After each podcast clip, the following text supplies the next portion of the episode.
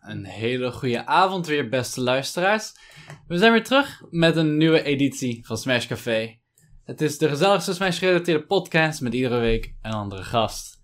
Uh, zoals altijd wil ik beginnen met Juice Real Energy bedanken voor het sponsoren van Smash Café.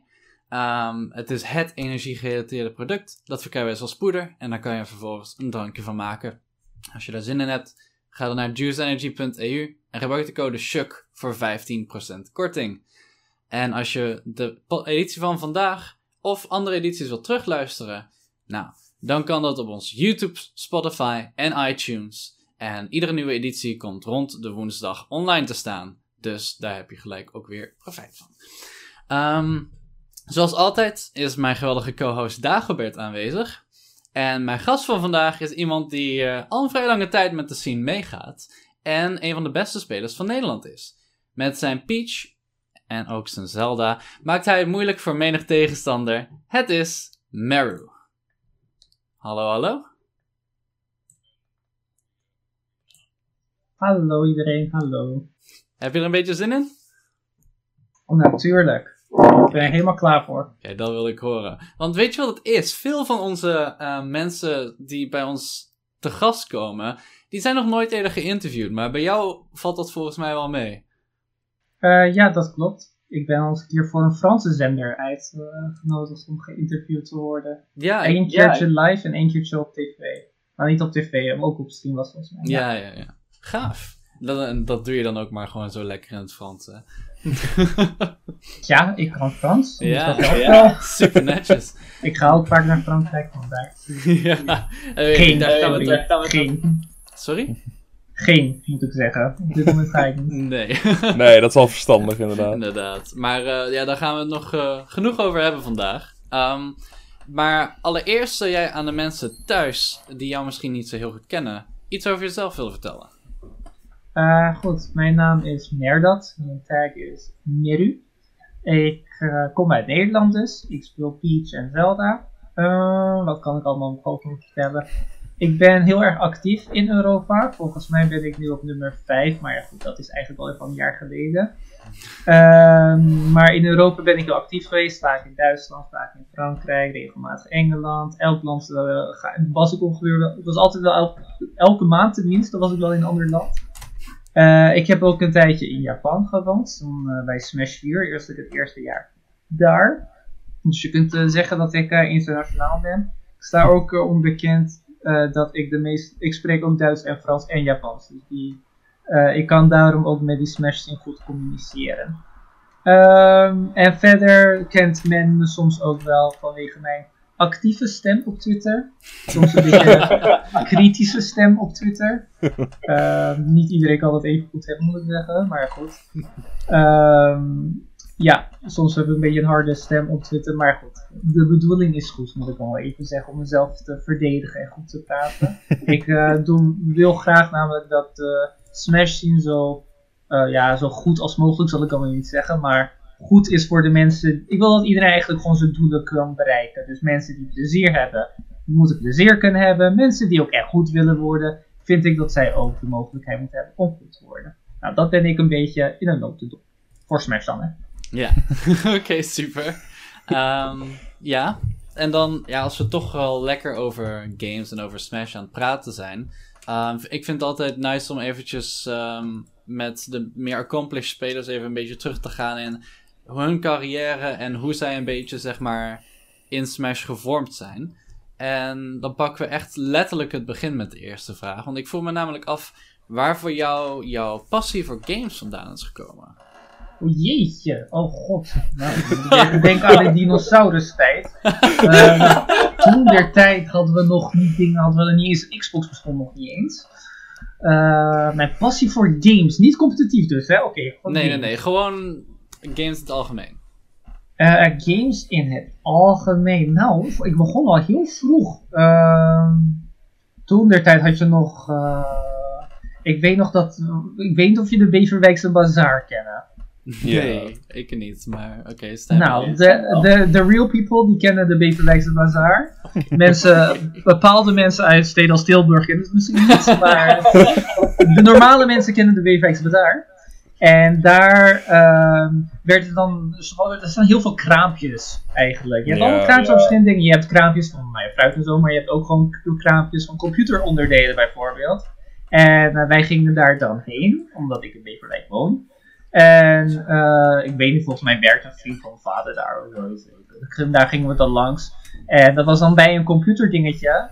En die, hadden, die verkochten dan videospelletjes. En daar zag je mij, kleine middel, drie jaar oud was ik ongeveer. En dan hadden ze een tv'tje daar zo. Dus voor mensen die dan voorbij liepen, die konden dan zien van, oh kijk, daar worden games verkocht. En dan zag je mij spelen. En mensen zaten dan van, hé, hey, wie is er eigenlijk aan het spelen? En dan keken ze naar de course en ging dan omlaag. En dan zag je een klein jongetje daar zo. Die zat gewoon hele levels uit te spelen. Eh, vervolgens heb ik ehm, volgens mij een Nintendo gekregen en ook een Sega een keer. Ik weet niet welke volgorde meer. Maar dat was van mijn vader. En toen was ik ook nog vrij jong. En op een gegeven moment kreeg ik een PlayStation 2. Ehm, ook speelde ik regelmatig in Iran. Waren vechtspellen best wel populair. Dingen als Tekken en Mortal Kombat. Die speelden we dan, speelde ik dan met eh, neven. Eh, die vond ik, het, daarom denk ik dat ik vechtspellen ook het leukst vond. Dat was echt van vroeg af al, al eh, aangeleerd. Eh, toen tijd was het natuurlijk niet goed, dus ik weet niet wat ik deed. Eh, toen tijd hadden we ook geen online, moet ik zeggen. Ehm, dus ja, en ik denk dat ik, oh ja, mijn eerste echte vechtspel die ik alleen voor mezelf op PlayStation 2 was Dead or Alive. Oké. Ja, Dead or Alive is nu een meme, is nu een grap geworden. Eh, maar toen tijd was het eigenlijk nog best een goed spel. Dead or Alive 2 was best wel revolutionair. Nou, dat heb ik gewoon in mijn eentje de hele tijd eh, toen zitten spelen. Ik vond het heel erg leuk. Ja, Oké, en toen op een gegeven moment was er een omschakeling dat jij zat van... Misschien wil ik wel een spel competitief gaan spelen, neem ik aan. Of is het meer een beetje vloeiend gegaan? nee, het was niet een omschakeling. Want ja, goed, ik vond eh, vechtspellen al leuk. Eh, Smash kende ik van een vriend van me, die had een Gamecube en dat vond ik altijd heel leuk. En die gast eh, die daagde me uit. Ik zei, oh wat grappig, Peach zit er. En dan zei hij, ja, Peach die is heel slecht. dat was natuurlijk, ja, jongetjes van 7 en 8, wat is goed? Marth en Roy en Link. En dingen Ja, als ja, Peach en Zelda. Hij zei, nee, Zelda is wel goed, want die heeft haar down. Nou goed, dat had hij dan wel. Dat had hij wel goed begrepen, want dan ging je naar een snelle ninja. Ehm, maar Zelda was slecht, en Peach was slecht, en Jigglypuff, oef, toen moet je niet eens aanraken. Ja. Ehm, dus eh, toen werd ik uitgedaagd en dacht, nou weet je wat, ik laat je wel wat zien. Ehm, dat is gebleven overigens. De Peach en Zelda zijn er alle twee nog ingebleven. Maar later pas, echt like acht jaar later. eh, ik, had, ik vond Smash leuk toen ik het bij mijn vriend, toen bij mijn vriendje speelde die acht jaar oud was. Eh, en dan acht jaar later, of weet ik niet, 15 of zo was ik, zeven jaar oud, ik weet niet. Had ik een Wii en broertje had een Wii en dacht ik, oh ja, dat spel was leuk. En die eh, vriend van me, die eh, kende ik nog steeds. Eh, Mhm. dacht ik, oh ja, Smash, dat ga ik, eh, dat ga ik spelen. Ehm, dus toen eh, speelde ik Smash op de Wii. Eh, ik vond vechtspellen al leuk. Eh, vervolgens, dat is wel een beetje geleidelijk gegaan. Ik kwam op Smashboard, zoals het toen een tijd was, een forum. Ja. Ja, ja. Voor, eh, dat gebruiken we tegenwoordig niet meer. Bestaat nog wel hoor, maar wordt niet meer gebruikt. Mhm. En op een gegeven moment, ik, mijn naam was nog in Meru. Mijn naam was Yay! Was het. Ik had me zo ingeschreven, want ik was eerst nog geïnteresseerd, weet je wel, in Smash vond ik een leuk spel. Dus ik keek op het internet, toen kwam ik dat forum, dacht oké, ik schrijf eerst gelurkt, dus eerst gekeken wat er allemaal gezegd werd, daarna ingeschreven. Dacht ik, nou ik ben geen nerd, dus ik ga toch in competitief spelen. dus ik ga ook sowieso eh, een stomme naam verzinnen, want ik ga toch nooit bij een toernooi meedoen of zo. Nou ja, goed, Fast wel tien jaar, Fast eh, voor tien jaar later is dat dus heel anders geworden. Maar eh, toen der tijd was eh, dat wat ik dacht. Maar ja, op een gegeven moment ging het dus wel een beetje online spelen. Vooral online was afschuwelijk. Oef, Ja. verschrikkelijk. Maar we konden elkaar, je kon mensen online vinden om mee te spelen. En toen kwam ik een beetje in een MSN-chat. Toen der tijd hadden we MSN Messenger. De oude fossielen onder ons kennen dat misschien nog. Maar dat is de WhatsApp van tegenwoordig. Ehm, daar eh, kwam ik dan in een eh, chat terecht met Nederlanders en zo ben ik. eh I Studying trouwens, die misschien kennen, die zei tegen me van: Hey, wil je misschien een keer, een keer meedoen aan een toernooi? En ja, vandaar ben ik een keer in Almere beland op een toernooitje, op toen ik 16 was. In een brouwtoernooi. ja. Zodoende. Zodoende, zo gaat dat inderdaad. En, dus het was eigenlijk gewoon meer dat jij Smash al leuk vond en toen maar gewoon hebt gekeken wat er voor bestond, zeg maar, qua com- competitie. Het is niet alsof je echt... Ja, Ja, het is niet... Heb, heb je ooit over een ander spel nagedacht van, hm, misschien is dat wel leuk om eh, competitief ook te spelen? Nee, maar ik moet ook eerlijk zeggen, ik zou niet weten welk spel. Ik dan competitief zou moeten spelen, want nee, ik zou het eigenlijk niet eens weten. Ik was geïnteresseerd in vechtspellen, dus ik was niet echt geïnteresseerd in wat daar toen was. Ik weet niet wat voor uh, MMO, waar zou League en zo waren we toen waarschijnlijk ook al, zulke soort spellen. Maar goed, daar was ik niet in geïnteresseerd. En tot mijn weten was, uh, waren daar niet eens toernooien voor. Nee. En qua andere vechtspellen waar toernooien eigenlijk ook niet zo groot Smash is eigenlijk voornamelijk. Dus nog steeds tot de dag van vandaag. Ik bedoel, Tekken enzovoort bestaan wel. Maar tot de dag van vandaag zijn ze een stuk klein. Ik vind Tekken niet heel leuk hoor, trouwens. Um, maar alsnog vind ik die scenes wel kleiner. Ja. En vooral Ja. toen nog, ik, het stigma was ook groter. Hè? Want zoals ik net al zei, ik dacht bij mezelf van, ik ben toch geen nerd, ik heb fucking of, of, of of toernooien videospelletjes gaan spelen. Ik, eh, ik, mijn middelbare school wist er ook helemaal niks van, zelfs mijn vrienden niet. Ik had niemand verteld dat ik naar toernooien ging. Toen ik naar toernooien ging, helemaal niemand. Dacht, oh, dat ga ik niet vertellen, dat is super oncool. Ja. Dus eh, dat stigma was er ook nog. E-sport was niet een ding, of nauwelijks een ding. Mhm. Dus, ehm, maar goed, dit is, weet je, zoals ik al zeg, oude fossiele tijd. ja, ja, ja. Ik ben ja, nu ja. al eh, zes, nee, ik ben, sorry, ik ben zelfs vergeten, 27 al. Poef. En dat is al een stuk ouder dan, nou ja, het is niet eens oud, maar het is al ouder dan eh, bepaalde andere mensen in Smash. Ik zie mensen die 16, 17 zijn, voor hen is het eh wat ze vanzelfsprekender geworden. Het is heel snel gegaan. Mm. Ja. Ja. Ja, het, en eh, ik heb ook het begin gedaan. Ja, In de afgelopen paar jaar is het echt keihard gegaan opeens inderdaad. En dan, eh, ja, dan is het opeens de normaalste zaak van de wereld. het kan nog veel groter. Sorry? Ja. Het kan nog veel groter. Dus Oh. Ik ga het Oh. Nee. Mee eens inderdaad. Eh, er is nog genoeg ruimte om te groeien voor Smash.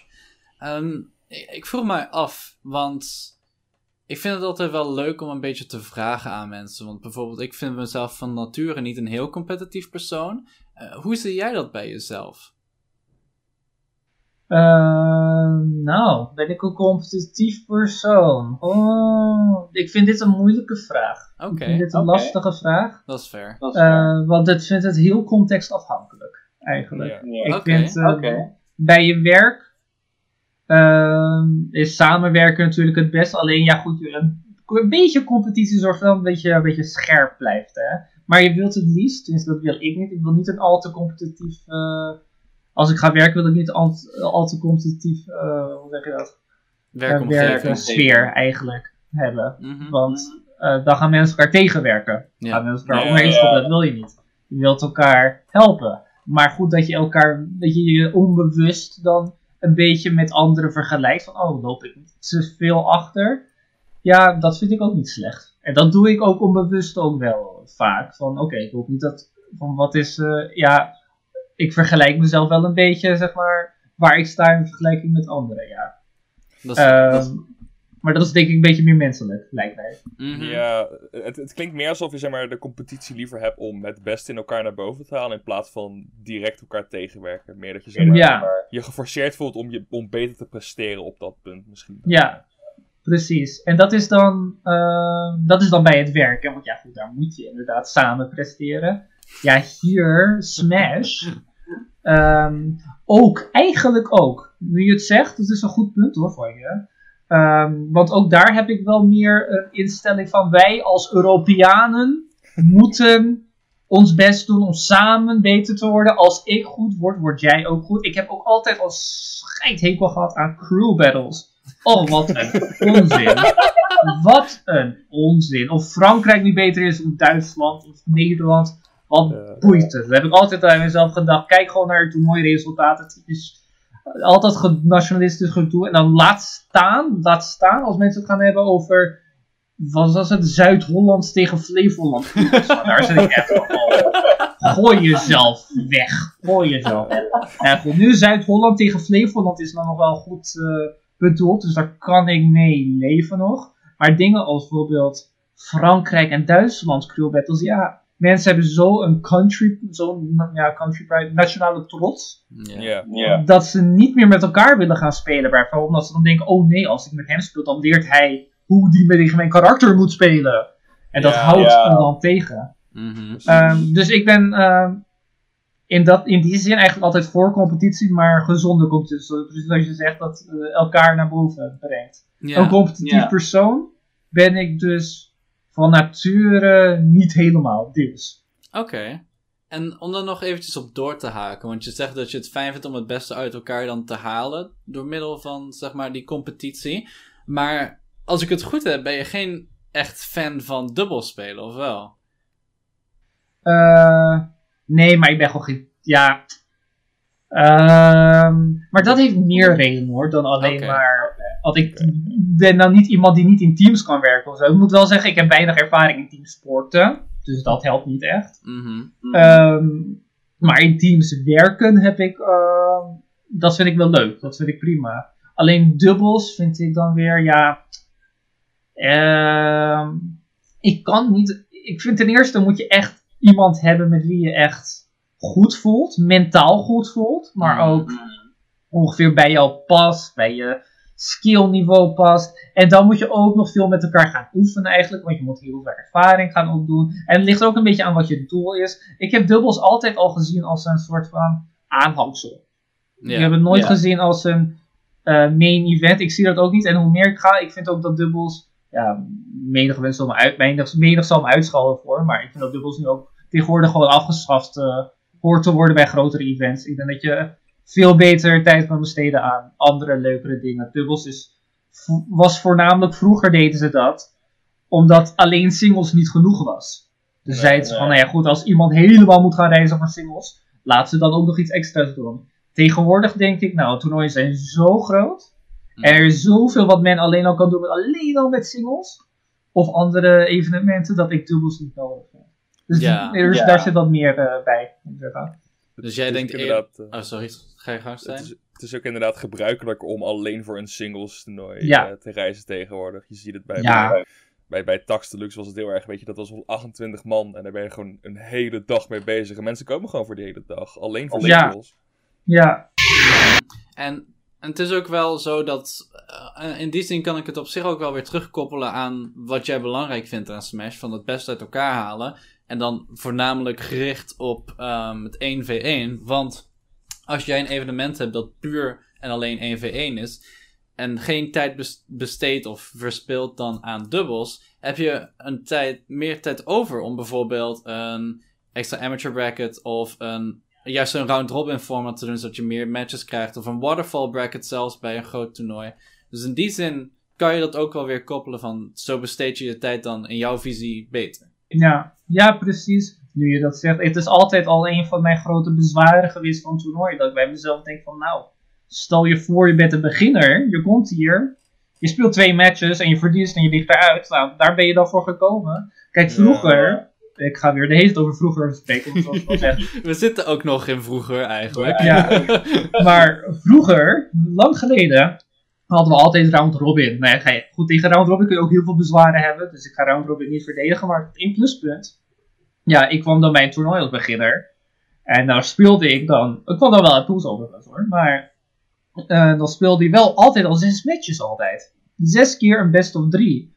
Nou, dan had je al echt wel, zelfs al kwam je niet uit pools, had echt wel even een goed dagje al hoor. Dat was echt al vermoeiend genoeg. En dan pas had je nog double elimination toernooien. Nu tegenwoordig, ja, omdat we dat niet meer doen, ligt iemand er zo uit. Dus ik denk dan van ja goed, als wij dan meer inderdaad een amateur record hebben of andere dingen, om beginners meer te stimuleren om meer te spelen, dat lijkt mij veel nuttiger dan even de helft van de tijd versteden aan dubbels waar eigenlijk niemand voor traint en niemand opgeeft. En drie teams of zo in een heel, in heel een land het een beetje serieus nemen.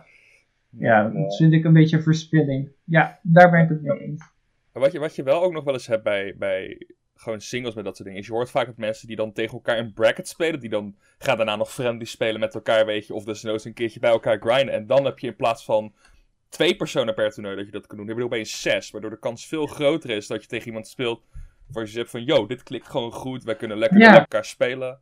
Ja, Dan, dan creëer je een beetje een, een, een groter butterfly effect. Ja. Een breder butterfly effect. Ja, precies. Iemand kan met meerdere mensen spelen. Iemand kan meerdere mensen leren kennen. Iemand doet meer ervaring op. En ik moet ook zeggen, ik vind persoonlijk ook, ik leer van een toernooi minder dan ik dan gewoon leer van heel veel met iemand spelen. Want ja, goed, hoe Ja. speel je in een toernooi? Kijk, je doet wel heel erg je best in een toernooi, dus dat is goed. Eh, maar ja, goed, je kunt ook heel erg je veel je best doen in, ehm, in een setting die niet met toernooien te maken heeft. Oké, moet je niet acht uur gaan spelen, want op een gegeven moment word je wel, gaat je brein, word je brein gaar. Ja. Maar als je bijvoorbeeld drie uur lang met iemand friendlies kan spelen, of money matches kan spelen, nou, dan heb je veel betere oefeningen dan alleen maar de toernooi zelf, de bracket zelf. Dus ik vind dan dat we eigenlijk mensen meer zulke mogelijkheden moeten gunnen. Plus, naast dat ze mensen leren kennen, zou ik ook misschien, ook in Nederland wat een beetje mis, een soort van afterparty of zo. Oké, dat is dan niet Ja. maar iets waar mensen een beetje met elkaar kunnen socializen, een beetje elkaar kunnen leren kennen. Kan het toernooi ook iets vroeger klaar zijn. Nu, moet, nu eindigt het toernooi op 10, 11. Iedereen moet naar huis. Dus ja, denk ik, joh, als we nou eindigen, deden ze in Japan. Eindigen in 6 of, om 6 of 7. Ze doen namelijk alleen maar singles. En dan gaan ze met elkaar wat drinken. Ja, Hm. vind ik, eh, of eten of whatever. Nou, dat lijkt, vind ik een leuker systeem en ook beter. Ja, ik, herinner me dat nog toen bij, eh bij VCA in Oostenrijk was dat toen, eh, vorig jaar was dat. Daar was ook een, een, een best wel redelijke afterparty achteraf. En daar was het ook gewoon, de mensen waarmee je daar gewoon zat, weet je, daar, daar sprak je uiteindelijk bijna altijd wel laat mee. Of je ging daar gewoon wat drinken of nog, weet je, ik weet nog wel dat daar single Joy-Con money matches werden gespeeld. Het was alleen maar troep daar zo, maar het is gewoon leuk. Ja, precies. MK Leon en Tarek die elkaar single Joy-Con money matches, eh, random matches met elkaar aan, aan pesten waren of zo. Of wat was het Ja. True for en Lancelot en zo. Ja, klopt. Daar zaten mensen een beetje... Kijk, maar dat was heel leuk. Dat was Ja, dat gezellig. Vooral in een Europeaans toernooi, waar je elkaar helemaal niet elke dag ziet. Dat was echt heel erg leuk. Zulke dingen zou ik eigenlijk iets meer willen zien in plaats van... eh nou goed, toen hadden we ook dubbels, I guess. Maar mm, het was fijn. Het was misschien nog fijner geweest als we nog meer tijd hadden gehad voor of dat of andere dingen. Mhm. Ja, Ja, snap ik bedoeld in ieder geval. Oké. Ja, Ja, dat is eh, heel interessant. Leuke tangent die we even af zijn gegaan. Ehm, dan ga ik het even weer terugbrengen, want eh, we waren zeker nog niet klaar met praten over jouw eh, prestaties tot nu toe. Ehm, want in Smash 4 was je ook consistent in de top 10 van Nederland. En hoe had jij Smash 4 dan ervaren als een competitief spel? Als je het dan misschien vergelijkt met iets als Brawl. Oh, oh, oh, oh, oh. Oh. Ehm, nou weet je, Brawl toen de tijd vond ik wel leuk. Eigenlijk. Nu ik erop terugkijk, denk ik wel gewoon, oh mijn god, wat een, wat een spel was dat. Ehm, maar moet ik zeggen, weet je, nogmaals, we gaan weer terug naar die vroegoudheid. Mhm. Ehm, Europa speelde niet Brawl, Bra- Europa speelde Brawl. En met Brawl bedoel ik, nou ja goed, Brawl was best wel campy. Alles was heel defensief en alles. Ehm, maar wij speelden het eigenlijk helemaal niet. Heel, wij- veel weiniger, of heel veel minder. Dus we gingen gewoon lekker in. Huppa, we renden er eigenlijk gewoon in. We speelden eigenlijk gewoon zoals Frankrijk nu speelt. Ehm, we, gingen, deden gewoon. Ehm, Dus dat maakt het spel wel wat leuker voor ons. En er waren, waren minder top tiers die. Bijvoorbeeld Meta Knight was niet dominant in eh, Europa. Mars was dominant in Europa. Iedereen en zijn moeder speelde Mars. Eh, mm, dus het was eigenlijk wel leuk. Maar ik stopte er wel vroeger stopte er wel vroeg mee, moet ik zeggen. Maar ja, toen hadden we ook twee. We hadden ook één toernooi per twee maanden, weet je wel. En dan af en toe wat Smashfest. Hier op een gegeven moment, dus had je elke week een toernooi laten. Dat mij veel. Ehm dus ehm het was toen eigenlijk gewoon heel erg anders. Je werd er wat sneller vermoeid door en door het spel, vind ik. Want het spel achteraf gezien was niet goed, ook al had ik het toen de tijd wel leuk. Eh, vind ik dan, hè. Ik vind het wel geen goed spel. Mhm. Eh, competitief. En, nou ja, goed. Het motiveert inderdaad als je niet genoeg events hebt. En je kent elkaar ook minder goed daardoor, hè. Zeg maar, de vrienden die ik nu in Smash heb, zijn echt vrienden. Toen der tijd waren ze ook wel vrienden, maar een beetje lagere stand. Ja, Ja. ja, het was gewoon, je ziet elkaar op toernooien en dan is het leuk en daarna spreek je Ja. niet. Hm. Precies. Smash 4, daarentegen. ehm, Smash 4, ik vind altijd nog steeds. eh, misschien daar zal ik niet iedereen mee eens zijn, maar ik vind altijd nog wel dat Smash 4 het hoogste potentie heeft. Nog altijd. eh, van alle Smash games. Ehm, alleen ja, goed, er waren heel veel dingen die qua uitvoering slecht waren. Hm. Ik denk echt wel, als ik een spel moet kiezen en ik denk van oké, dit spel ga ik een beetje veranderen. En dit wordt dan de Smash game, dan zou ik dat op, op Smash 4 baseren. Meer dan Ultimate, want als Ultimate moet veranderen, weet ik niet eens waar ik moet beginnen. Eh, ook al vind ik Ultimate het leukste spel hè, van alle vijf. Vind ik Ultimate Ja. verreweg eh, het leukste spel. Mhm. Ehm, maar als ik het perfecte spel wil maken, zou het meer in de buurt van Smash 4 zijn.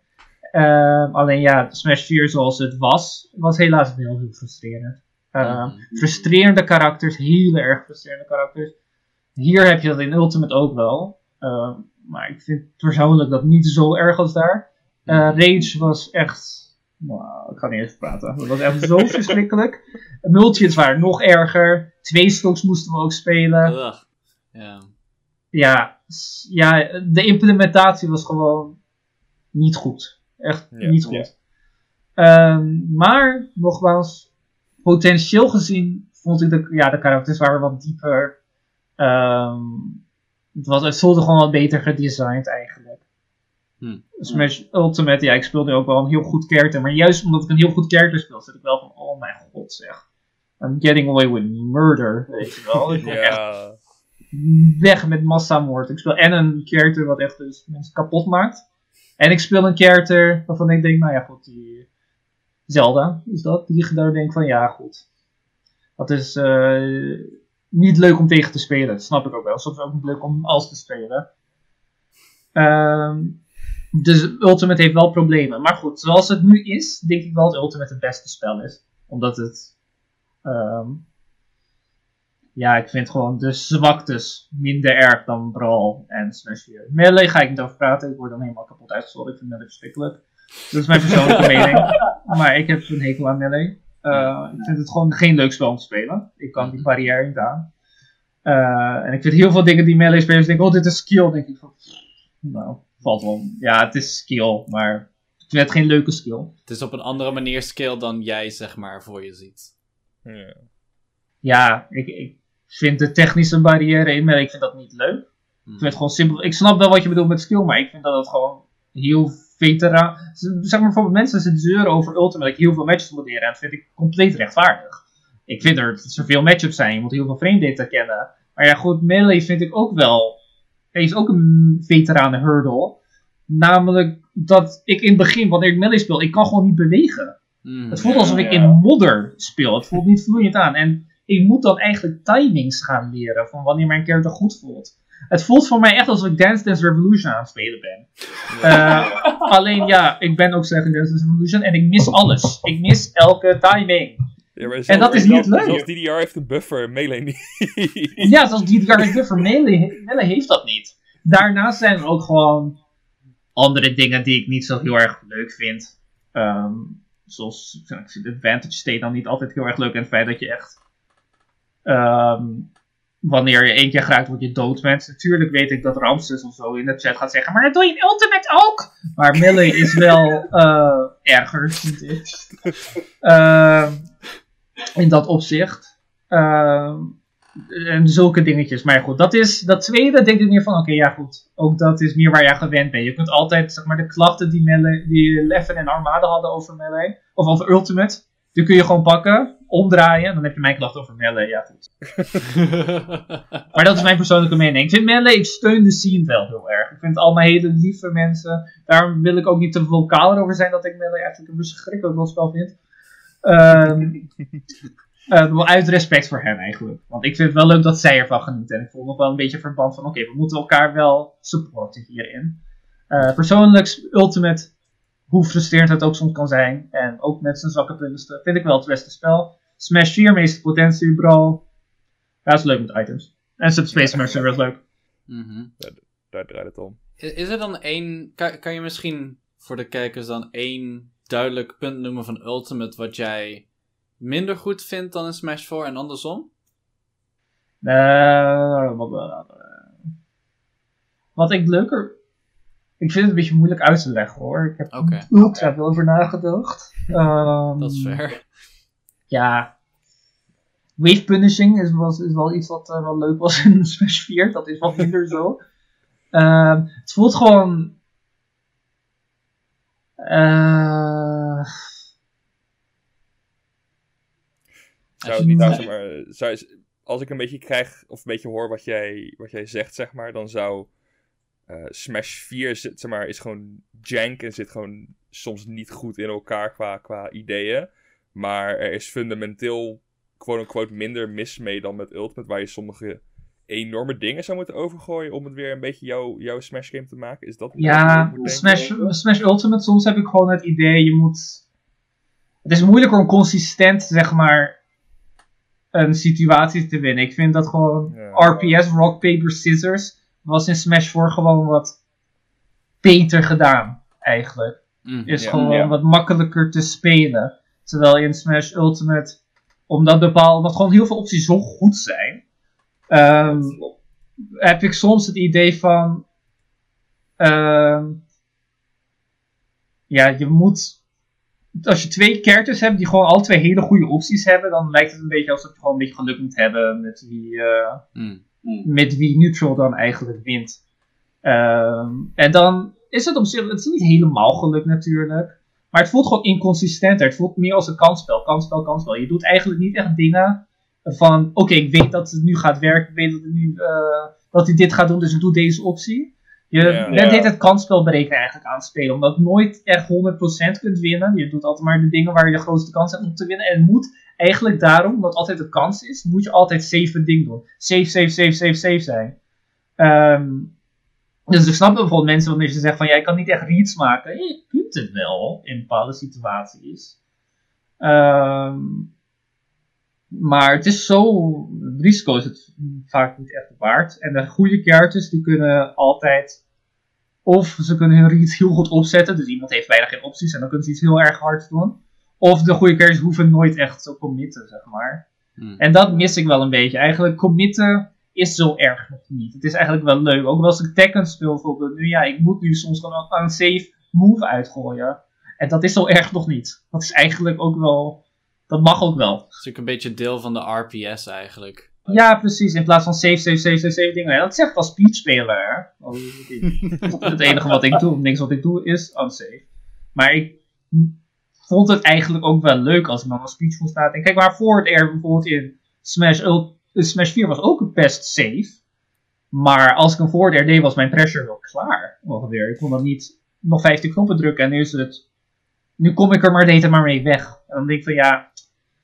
Het is wel grappig. Ik lach er al. Ik ga niet klagen. maar ik vind het een minder goed spel. Mm In dat opzicht. En ik weet niet allemaal hoe je het kunt fixen. Je moet echt heel veel daarvoor fixen. Beetje lang verhaal, sorry. Ik heb niet echt goed over nagedacht. Nee, nee. Je hebt helemaal geen sorry te zeggen, joh. Het is juist interessant om te zien hoe je over het spel denkt. ja. Ehm, maar eigenlijk, als ik het een beetje goed begrijp, komt het er dus op neer dat jij. Ja, eigenlijk een beetje die, die nuance mist van het, het. Echt het sterke RPS. Terwijl je in, in Ultimate, zeg maar, soms dan de RPS nog verkeerd doet door iets op shield te gooien, maar het maakt toch niet uit. Want ja, het, het is redelijk safe. Ja, je moet in Ultimate. Um, kijk, Smash is dat ook wel. Je moet de beste situaties vinden waarin jij RPS kan spelen. Mhm. In Smash 4 ook. Maar in Ultimate is het nog erger eigenlijk. En als je niet die situatie kan winnen, dan speel je het gewoon niet. Klaar. Yeah. Je doet gewoon geen combinatie. Tot, uh, tot je in een situatie komt waarvan je denkt: oké, nu kan ik RPS wel winnen. Nu zit ik bijvoorbeeld dichtbij, dus nu lukt het me wel. Um, maar ja, ja, het voelt minder als RPS eigenlijk. Het voelt gewoon minder als reads maken, als condition. Mm iets, iets minder. Uh, het is een beetje meer, I guess. Ja, die micro-interacties mis ik wel een beetje. het is altijd een beetje het hele algemene beeld wat je moet hebben, omdat je een beetje het kansspel, het kansspel uh, in je hoofd hebt. Van, nou ja, moet ik niet maar gewoon doen wat de hoogste kans heeft om te winnen, waardoor ik niet gepunished word. In plaats van dat je meer commit aan een read. Want committen is niet goed. Ja, en ik denk wat ook meespeelt aan dat hele idee van committen in deze game is erger dan een Smash 4, is dat in de meeste matchups wil ik zeggen in ieder geval, dat Advantage State en Ultimate sterker is dan een Smash 4. Ehm, ja, en de, ik denk dat het dat ook wel echt verergert dat mensen minder snel committen, omdat je gewoon minder fouten mag maken in neutral. Maar ja, trouwens, ik weet niet of per se Advantage State sterker is. Um, ja, ik denk in general. Ik denk zeker dat er bepaalde matchups in Smash 4 zullen zijn die gewoon erger waren door ledge trapping of door. Ik, denk, ik, vind gewoon. Advantage State eigenlijk ook een beetje inconsistenter. Ja? In Ultimate vind ik het inconsistenter. Kijk, Smash 4 was het eens inconsistent vanwege Rage. Uh, maar in het algemeen vond ik het best wel consistent qua advantage. In Smash Ultimate heb ik soms het idee van, oké, soms... Misschien is het ook een beetje Peach hoor. Uh, nou, of Zelda, overigens. Uh, maar Smash Ultimate heb ik echt het idee van, ja, soms gaan overleven ze tot best lang. Maar soms kunnen ze ook echt doodgaan. Soms exploderen ze gewoon als jij gewoon de goede reason of zoiets. Ja. En in Smash 4 vond ik dat een beetje, ja, behalve Rage. Dus dat heeft echt alles ver, verkloot hoor. Maar behalve Rage is was het wel iets consistenter. Als je zeg maar echt goed erin was, een goed character in had, dan uh, kon je de hele tijd wel je, je, je opponent juggelen.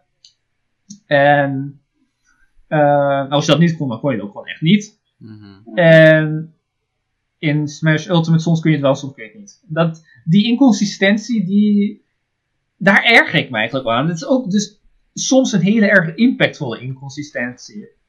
Uh, je hebt het ook met hurtbox shifts. Kijk, ik, Hmm. nogmaals, dat mijn character soms een pannenkoek wordt wanneer ze op de stage landt. Dat gemis- maak ik, maak ik misbruik van heel erg. Maar ook zulke dingen zijn inconsistenties die heel impactvol kunnen zijn. Want als iets mist en ik heb een puntmis, ja, dan kan ik het ervoor misschien kapot maken. Mhm. Zulke Ja, inconsistenties vind ik niet leuk. En dat had Smash 4 ook wel, maar op een andere manier. Ja, toen was het meer de rage inconsistenties die speelden. Nu zijn het iets meer game dingen. En multi-hits vond ik nog erger. Hallo? Oh, laat ik in ieder geval vragen over jou als speler tijdens Ult. Want daar hebben we ook nog wel genoeg over te zeggen. Want ehm, aan het begin van Ultimate was jij ehm, heel veel in het buitenland te vinden. Eh, ja, goed, later in Ultimate ook. Maar in het begin van Ultimate was het echt vooral. Ik heb je toen amper in Nederland gezien, volgens mij. Ehm, en jij werd toen uiteindelijk ook gezien als een top 3 speler in Europa. Omdat jij zo consistent sterk was op toernooien. Um, en dat was best wel een flinke stap vergeleken met Smash 4, waar je top 10 in Nederland was. Maar top, 10, top 3 in Europa ge- gezien worden is wel een grote stap. Hoe voelde je daarbij? Ehm beetje onzeker eigenlijk, rond helemaal niet fijn, want ik wist niet helemaal waardoor het kwam. Hmm. Ehm, ten eerste was het begin. Ik vond het eigenlijk niet zo'n heel leuk gedeelte. Dat iedereen zei: Oh, maar dat is top 3 in Europa. Want ik zat van, maar dat weet je nog niet. Want ik. Er waren nog niet genoeg toernooien. Ik zat zo van: geef het een beetje tijd. Op een gegeven moment zie je wel nog wie nog meer speelt. Bijvoorbeeld Space speelde nog niet veel eh, internationaal. Eh, Quicksilver speelde toen nog. eh, nee, het Quick niet. Quick speelde toen nog eh, Zero Suit. Die had zijn character niet gevonden. Dus ik zo van: joh, ja, ik speel nu de Bayonetta van Ultimate, praktisch. En ik ben er goed in, zeg maar. Dus natuurlijk doe ik het dan beter. Dus ik vond dat eigenlijk niet zo erg fijn. Hmm. Ehm, ik denk dat ik beter ben geworden in Ultimate vergeleken met Smash 4 vanwege twee redenen. Ik denk dus één, omdat Peach beter is geworden gewoon. Gewoon simpel omdat daardoor. Ik denk ook wel dat ik toch wel een beetje verandering zag. Ik zag wel een verbetering aan het eind van Smash 4. ja. Het duurde even, maar toen had ik wel, was ik wel echt aan het verbeteren. En dat heb ik wel goed kunnen. Ik had daar meteen een goed begin kunnen, kunnen maken in Ultimate. Die transitie ging eigenlijk heel goed. Daar zag ik mijn verbetering eigenlijk doorgaan. Ik werd veel beter in gewoon strategisch spelen, RPS spelen. Ik wel- dacht gewoon beter na. Eh, ik denk dat het een combinatie van die twee dingen was. Maar nogmaals, dat, eh, ja, dat top 3 Europa, ik voelde daar niet zo, ja, ik voelde me niet zo comfortabel bij. Ik vond het was, ik kan niet zeggen, ik vond het vervelend. eh, maar ik vond het ook niet fijn.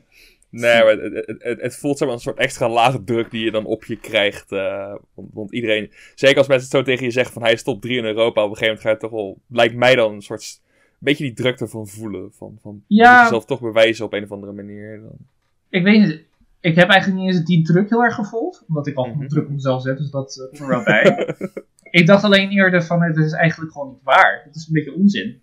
Ja, dat opzicht, ja. Het is, dit, dit kun je niet zeggen. En ik ben voor zulke dingen ook wel een beetje gevoelig voor. Ook wanneer mensen bijvoorbeeld rondpraten van, oh Nederland is zo goed best te zien, zit ik ook van, nou, waar heb jij het over? Zit als ik de rest bezig. Maar dan heb ik ook als Frankrijk dat zegt, dan zit ik ook van, nou, dat valt ook wel heel erg mee, want ik vind gewoon, ze zijn ongeveer een beetje hetzelfde niveau, eerlijk gezegd. Hmm. En de ene keer doet dat, land- dat land het beter, de andere keer oh, dat land het beter. Dus ik heb, mijn bullshit radar gaat gewoon een beetje aan, eigenlijk. Ja, ja, ja, ja. En bij dat top 3 Europa, meer de top 3 Europa, zat, ging mijn bullshit radar ook een beetje aan. Dacht, ja, weet je dit nou? Ja. En maar- ik, maar- ik- maar- ik kon ook van heel veel mensen verliezen toen de tijd, vooral in Ultimate, omdat je 100.000 matchups had en ik kind allemaal niet. Ja. Ik vond het niet zo rechtvaardig. Ik vond het niet gerechtvaardigd. Oké. Was je voor jouw gevoel wel trots op je niveau? Trots op mijn niveau? Ja. Ehm, eh, nou, ik ben niet echt zo tevreden. Dus, maar trots was ik niet echt, nee. Maar het, Oké. ik zal niet zeggen dat ik vervelend vond of zo. Ik vond het wel Nee. goed. Ik dacht wel, nou, gaat wel beter. Gaat wel goed, maar ja. eh, ik had toen niet, ja. Was wel streng op mezelf en naar teruggezien, denk ik ook wel echt te streng. Ik had echt Ja, wel ja. een beetje dat op een lager pitje kunnen zetten. En dat gaat niet weg met resultaten. Als jij streng op jezelf bent en je vindt jezelf niet goed genoeg wanneer je honderdste bent, ook wanneer je tweede bent of derde bent of vierde bent, vind je jezelf ook niet goed genoeg. Het, gaat Eh, inderdaad een soort relatieve schaal wordt het dan op een gegeven moment. Met dat Ja. soort. Ja, precies. Het wordt, eh, dat, dat, dat verbetert gewoon. De Mm. mensen, die, dus eh, dat bleef gewoon. Eigenlijk niet. De resultaten hebben eigenlijk niet echt veel veranderd. Nu achteraf, weet je, resultaten veranderen misschien achteraf eigenlijk. Want nu achteraf denk ik van, oh, dit is best wel goed. Maar dat denk ik dan ook over Smash 4. Ik zit eigenlijk van, oh, ik zeurde heel vaak van, ik ben niet goed genoeg, ik heb geen talent of zo, bla bla bla. En nu achteraf denk ik, joh, waar heb je het over? Dat is de 20 in Smash 4. Je deed het best goed. Ik heb elke Albion was negende of zo. Nee, ook in Ultimate overigens. Eh, ik kwam vaak, ik kwam regelmatig in top 8. Wat zeur je? Deed gewoon goed. Mhm.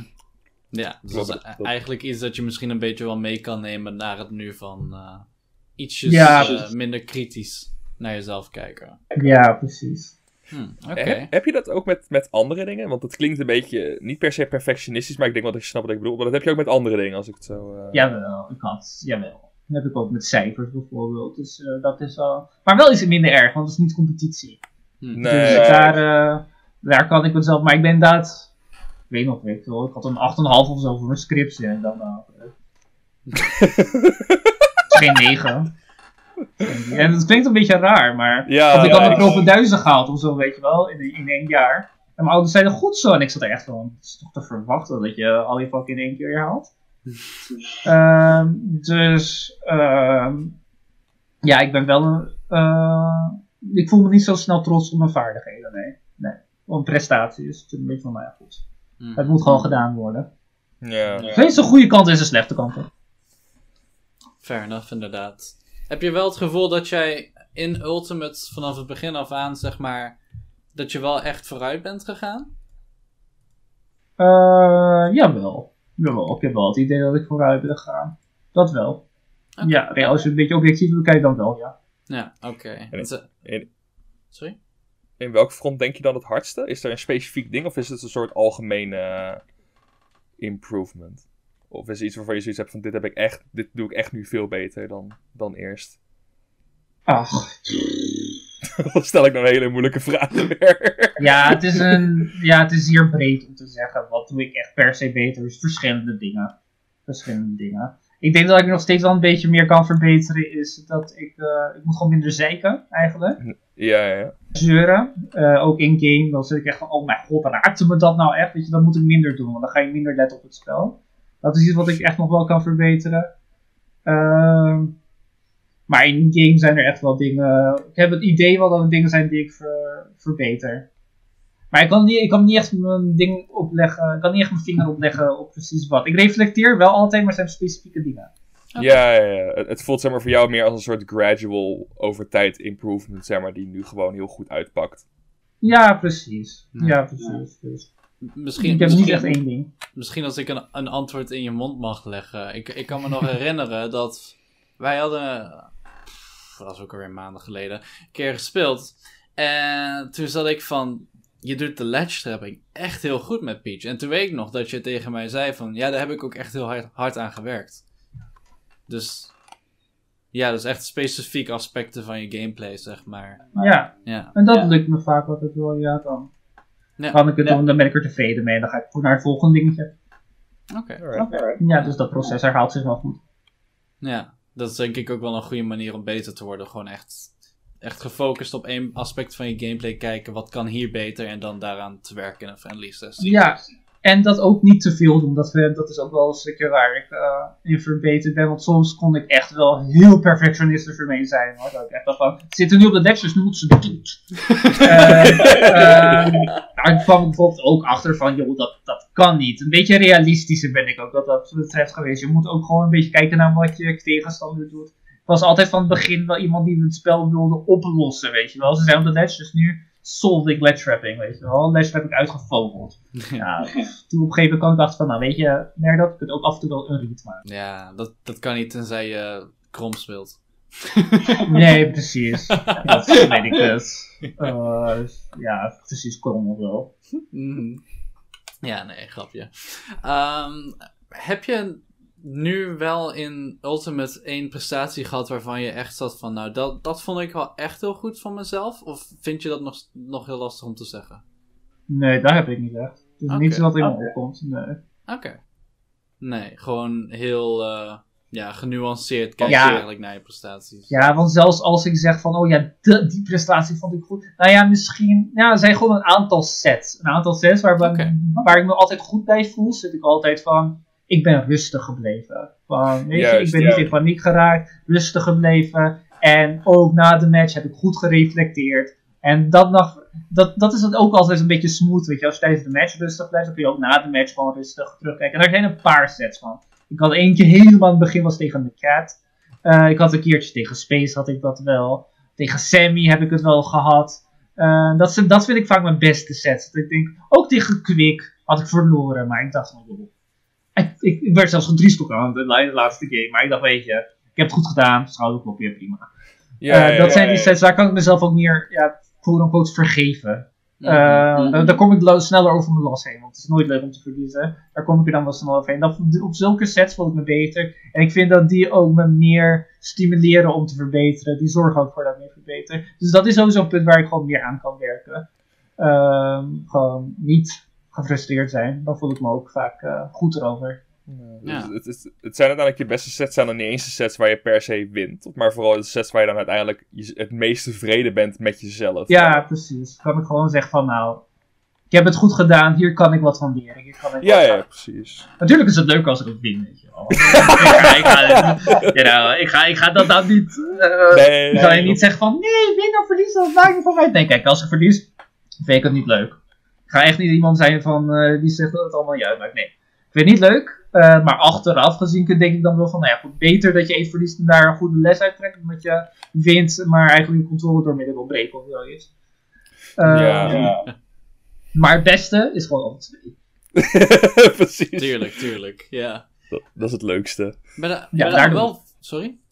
Daar doen we het voor. Maar goed, Ja, verder. ja, ja, ik kan me wel voorstellen dat dat redelijk moeilijk is geweest voor iemand als jij, om dat zeg maar een beetje onder de controle te krijgen van, ah, weet je, zelfs als je verliest er eh, tevreden mee kunnen zijn. Is dat iets waar je echt moeite mee hebt gehad of eh, heb je dat gewoon, kon je dat eigenlijk vanaf het be- begin meteen wel? Oh nee, dat is niet iets wat ik van het begin kon. Eh, dat kan ik nog steeds niet. Dus, eh, nee, ik zal niet zeggen dat kan ik nog steeds niet, maar het kan ook altijd niet, nu nog niet. Het is niet alsof ik het nu kan. Nee. nee. Eh, het is nog steeds iets waar ik nu nog eh, aan eh, goed kan werken. En ik ben ook niet de enige daarmee, als ik om me heen kijk. Dat ik heb van, nou, eh, soms denk ik van, oh, volgens mij valt het best wel mee. Als je naar een andere man kijkt. Ehm, dus nee, dat is echt iets waar je heel veel aan moet werken. Dat is een heel erg lang proces. Dat gaat niet Klopt. overdag, dat gaat niet in twee dagen. Moet je heel lang aan werken. Maar je zit er wel verbetering in. Hè? Het gaat ook een beetje zo, moet ik zeggen. Ja, Ja. maar weet je, het gaat niet zo, als ik weet of je het goed ziet, maar het gaat meer zo. Dus je gaat wel Precies. uiteindelijk naar boven, maar je, Klopt. je hebt nog steeds wel je dips. ja. Zeg maar. Ja. Het, het, het is denk ik ook wel dat soort dingen. Het is heel persoonlijk, maar dat maakt het ook het meest abstract en het meest ongecontroleerd moet leren. Weet je, als jij gewoon een bepaalde interactie verliest in de game, dan kan je zeggen: Oké, ik heb deze tool, deze tool, deze tool, kan je het oplossen. Maar bij dit soort dingen is het echt van: Ja, waar begin ik? En dan, dan is het lastig. Ja, precies. Dit kunt je, het is niet zomaar een, weet ik hoe je zeggen, dat is wel een Rubik puzzeltje wat je zo hebt. Uh, Ja, ja, je gewoon zo, zo, zo, zo, zo, en je moet het gewoon zo snel als mogelijk doen. Nee, dat is helaas, eh, niet, nou niet helaas, gelukkig is dat niet het geval. Eh, dat maakt het spel eigenlijk ook leuk, maar het kan soms inderdaad ook wel een beetje frustrerend maken. Maar ja, goed. Het is wel een goede training, zo leer je daarmee om te gaan. Dat kun je ook in andere delen van je leven toepassen. ja. Ja. Zeker, Zeker inderdaad. Ik- inderdaad. Ik, Ik- kan ook gewoon kan ook eigen ervaring spreken dat ik door Smashers echt Smashers heel erg heel geleerd om bijvoorbeeld om onder druk te bijvoorbeeld onder druk te presteren bij, eh, bij eh, presentatie. Dat is zoveel wel. minder eng nu dan, Ja, weet je Ja. wel? Ja. ja, als Ja. je voor zoveel mensen hebt kunnen spelen met Greninja, Eh, en je hebt eigenlijk al laten zien dat je geen trots hebt, want anders zou je geen training doen. Dat heb je al voor zoveel mensen gedaan. Dan is een presentatie geven eh, om dat nog goed te doen. Is goed. Dan, Is dan, goed. dan heb je die schaamteloosheid heb je al inderdaad. Ja, Eh, die schaamteloosheid heb je al met elke down tilt up smash die je doet. Ja, precies. Bro, jij doet één down tilt en de, de, de opponent eet gewoon 70. Waar heb je het over? Gaan ze dood? In Smash Wat 4 doet wel. dat? Down Wat tilt doet reverse dat? en B. Ja, dat heb ik niet gedaan. Dat Nee, weet ik mooi. Fair enough, nee. Uh, fijne, fijne roos, Merdo, dankjewel. Eh maar dan, ja, nee, dan, maar dan gaan wij eh, lekker rustig door naar ons volgende onderwerp. En mij leek het namelijk leuk om met iemand als jij, die gewoon ja, heel erg thuis is in verschillende hoeken van de Europese Smash community, om daar eens lekker wat een beetje over door te vragen. En in dit geval wilde ik jou vragen over de verschillen tussen Europese Smashlanden en dan nog niet over skillniveau. Daar, ga, daar gaan we het nog over hebben. Dan weet je dat alvast. Ehm, Oh, prima, ik ga, ik ga mezelf niet eh, terug, maar goed, ga verder. Nee, nee, nee. Dat, nee, dat is ook zeker geen probleem hoor. Als je daar echt dingen over kwijt wil, go right ahead. Maar in ieder geval. Ehm, zoals je ook al eerder in de aflevering zei, ben jij iemand die heel erg goed is met talen. Je hebt ontzettend veel talen al best goed onder de knie, wil ik zeggen. Waaronder dingen als Japans, Engels, Duits en Frans. Ehm, is het iets, is die talenknobbel eigenlijk altijd al een beetje aanwezig geweest? Of denk je dat dat versterkt is door Smash? Eh, nee, hij was wel altijd aanwezig hoor. Dat is niet versterkt door Smash, maar Smash maakt het makkelijker om het te leren. Omdat ik dan heel erg veel Franse en Duitse vrienden heb. En daar praat ik dan mee. Dus op, een ge- je hebt niet eens het idee meer dat je eh, bezig bent met een taal eigenlijk. Nee, oké. Want je bent gewoon met vrienden lekker aan het chatten. Ik heb ook het eh, reverse problem, om zo te zeggen, met bijvoorbeeld Frans. De meeste mensen, wanneer ze een taal leren, hebben ze niemand om mee te praten. Dus Mhm. eh, lezen ze en luisteren ze vooral. Dus dat doen ze vooral een passie- passieve ken- kennis. En wanneer ze dan ooit één keer een Fransman tegenkomen op de camping, gooien ze daar eigenlijk al Frans op de bos, weet je wel. ja.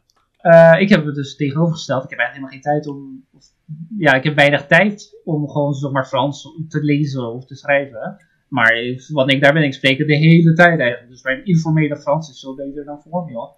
En Smash eh, games, eigenlijk in het, het algemeen, die bieden je gewoon een hele goede mogelijkheid om games te leren. Dat zullen jullie ook. Dat heeft waarschijnlijk bijna elke game ongetwijfeld meegemaakt met het Engels. Ja. Ja, Eh, Ze leren Engels door hun games. En vervolgens eh, gaan ze op de forum. Of, nou, toen werd het eigenlijk op de fora. Dat doen we niet meer. Dan gaan ze op social media. En dan eh, komen ze daar Engels komen of buitenlanders tegen van andere landen. Dus Duitsers, Fransen, die ook in het Engels praten. Of ze komen gewoon native speakers tegen. Daar gaan ze dan allemaal mee zitten praten. Of door middel van berichten. Of door middel van eh, voice chats. Bijvoorbeeld in Discord. En zodoende wordt hun taalkennis veel beter. Eh, nou, dat heb ik dus ook maar dan ook met andere talen. Eigenlijk. Ja. Ik had al van het begin al een talenknobbel hoor. Mijn beste vakken waar op school waren. eh wel vol, dat was Frans. In ieder geval was mijn beste. Maar daarna Engels, Duits. dan. Ja, Nederlands vond ik niet leuk, maar ik was wel goed in. Latijn vond ik niet leuk, maar ik was wel goed in. En ja, geschiedenis zeg maar vond ik wel leuk. Ja, was heel slecht in en- de beta dingen.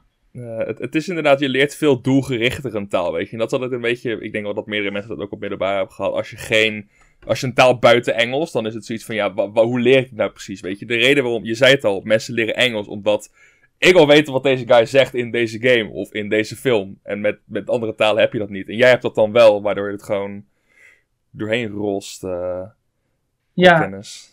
Ja, maar weet je wat, ik vind het altijd vind ik wel een leuk punt, want ik heb soms ook wel mensen die dan tegen me zeggen van, oh, ik, was, ik weet niet hoe jij zo'n taal, zulke talen spreekt, merk dat. Van, ik, maar ik was zo slecht in Frans en Duits, ik kan echt geen Frans en Duits. En dan Ja. zie ik ze daarna C2 vloeiend Engels spreken. Dus ik daar zo van, volgens mij ben je gewoon prima in talen leren. Ja, ja, ja. Maar ja, ze zijn gewoon niet goed in school. Eh, want de manier waarop wij taal leren op school is ook vrij erbarmelijk. Is ook gewoon niet goed. Ik heb een tijdje Duits les gegeven. Dat is niet hoe je een taal leert. Hm. Ehm, School Duits, school Frans, school Engels overigens ook niet. Allemaal eh, een dikke onvoldoende. Dus, Ehm, ja. dus eh, maar ja goed, als je er echt geïnteresseerd in bent, kan het wel helpen als opstapje. Want ik was wel goed in die talen, dus toen heb ik dat als opstapje gebruikt om het daarna wel echt te leren in de praktijk. Ja, precies. Ik neem aan dat dat inderdaad met, met Duits en Frans, dat zijn nog talen die je nog op de middelbare krijgt. Maar ik neem aan dat het met Japans ook een beetje op diezelfde manier is gegaan dan... Uh, uh, ja, Japans was, Japans was natuurlijk wel op de universiteit, dus dat helpt heel erg. Um, dus daar was, uh, de, de lessen waren al wat beter. Um, dus ik was ook echt wel zeer gemotiveerd voor Japans, want dat was toen mijn studie. En ze zeiden al meteen van, als je goede cijfers hebt, mag je mee aan een zomerprogramma in Japan. Nou, heb ik daarvoor geblokt en denk ook in de zomer in Japan geweest. Het jaar daarna heb ik dan uh, drie maanden was het volgens mij, mocht ik daar wonen, in weer Nagasaki. En daarna had ik een uh, beurs gekregen voor een jaar. Dus dan was ik ook wel flink wel lang in dat land gebleven. En daar heb ik dus inderdaad ook veel, ja goed, ik moet wel zeggen, was daar ook makkelijk om vrienden te maken. Dus ook op universiteit had ik heel veel vrienden en daarbuiten. Maar ik had ook wel veel Smash vrienden. En Smash is eigenlijk wel handig in dat opzicht. Want toen, ik bijvoorbeeld naar Duitsland ging om daar een tijdje te wonen, was ik bij, wel bijna alleen maar met Smashers. Het is gewoon heel makkelijk om vrienden daarin te maken. En op die manier leer je die taal dan. Dus mocht ik Spaans leren, ja, nou goed, ik schrijf van een paar Smashers. Ga even naar een paar toernooitjes daar zo. En uh, leer lekker Spaans daar zo. Of niet eens naar de. Ja, het, het, versterkt eigenlijk het, het leerproces. Kan je het geeft je gewoon een omgeving, ja. Om ja. Uh, taal te leren, ja. Mm -hmm, ja, precies. En eh, denk je ook dat dit um, jou een beetje in een unieke positie heeft gezet binnen de Europese Smash community? Omdat jij juist met zoveel scenes in hun eigen taal kunt praten?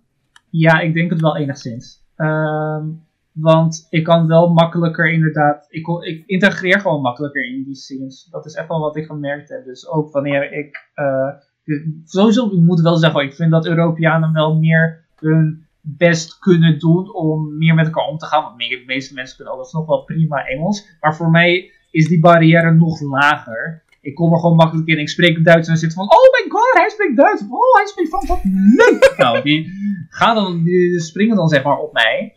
En um, daardoor wanneer bijvoorbeeld, dat hebben wij ook wel hoor, als er bijvoorbeeld een Engelsman bij ons is, we spreken wel Engels, maar op een gegeven moment gaan mensen een beetje met elkaar Nederlands spreken. En als jij dat, die taal spreekt, uh, dan kom jij gewoon veel makkelijker en je snapt, en jij kan dan alle gesprekken volgen die om je heen gezegd worden. En de mensen met wie jij praat, kijk natuurlijk, ze zijn misschien ook wel leuk in het Engels, maar ze zijn leuker in hun eigen taal. Uh, ja ja, dat is iets wat ik wel merk bijvoorbeeld wanneer mensen met de Franse scene zitten van ja goed, in het Engels kunnen ze misschien een beetje zus en zo zijn, maar in Frans zijn ze leuker, want dit en dit is gehoord en dit meegemaakt. Ik, kan, ik kom een beetje beter naar tot hun kern. Uh, dat geeft me wel een beetje een betere positie, omdat ik dan in drie landen al, zeg maar, de scenes al goed ken. Maar ja, ik moet zeggen, het is niet de enige factor hoor. Ik ben ook gewoon veel gereisd. Ik heb veel gereisd. En ik ben ook wel qua persoonlijkheid wat extraverter dan de meeste mensen. Voor mij is Smash niet alleen maar. Kijk, dat is grotendeels je hobby uitoefenen, spelen. Maar daarbij vind ik het ook belangrijk dat ik uh, plezier heb met de mensen die daar zijn. Daar vind ik afterparties dus bijvoorbeeld belangrijk.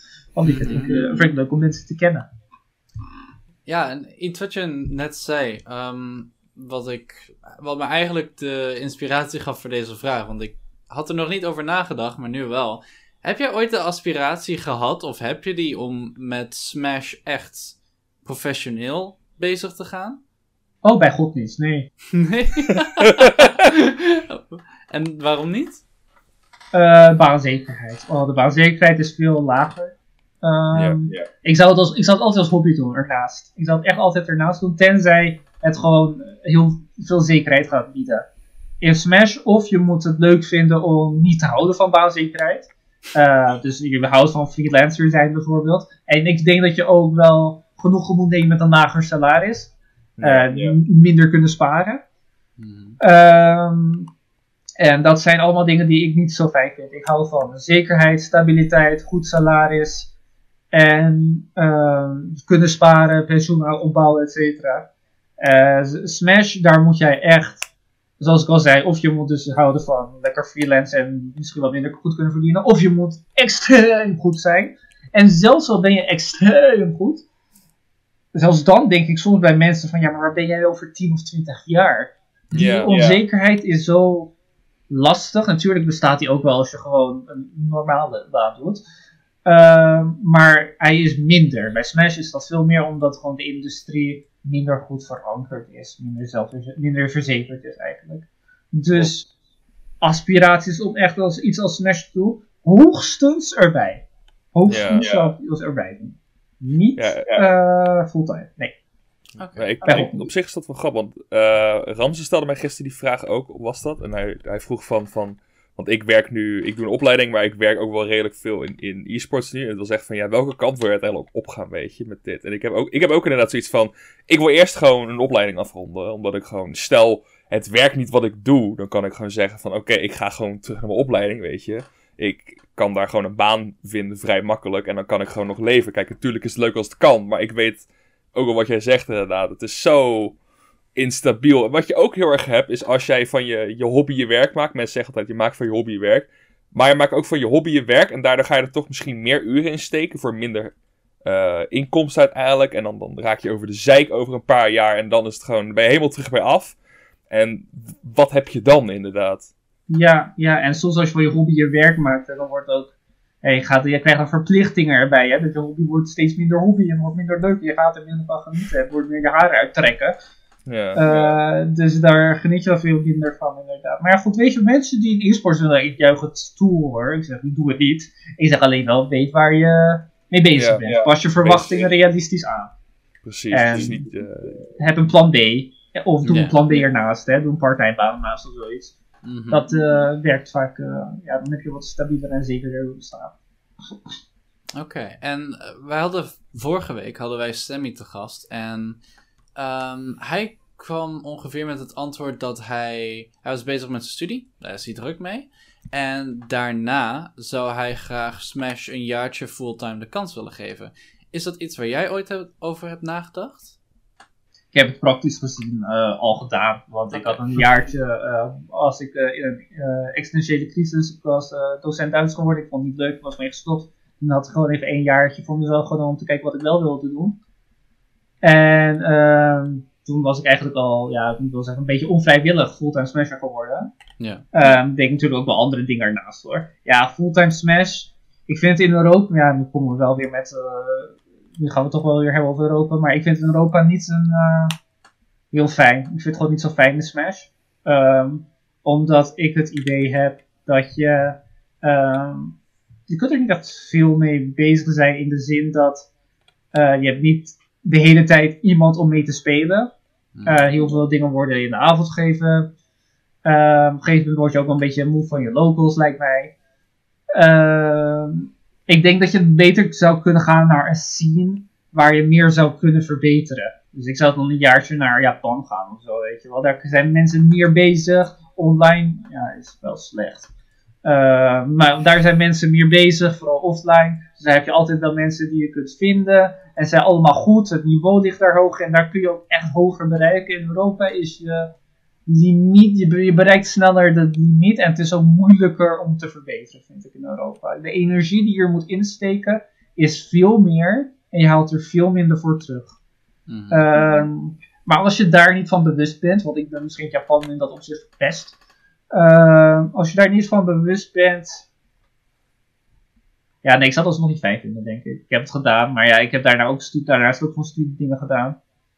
ja. Maar ik snap wel waar mensen het zouden willen doen. Hè? Als je voor de hele tijd eh, studeert en je wil gewoon even alleen op Smash focussen.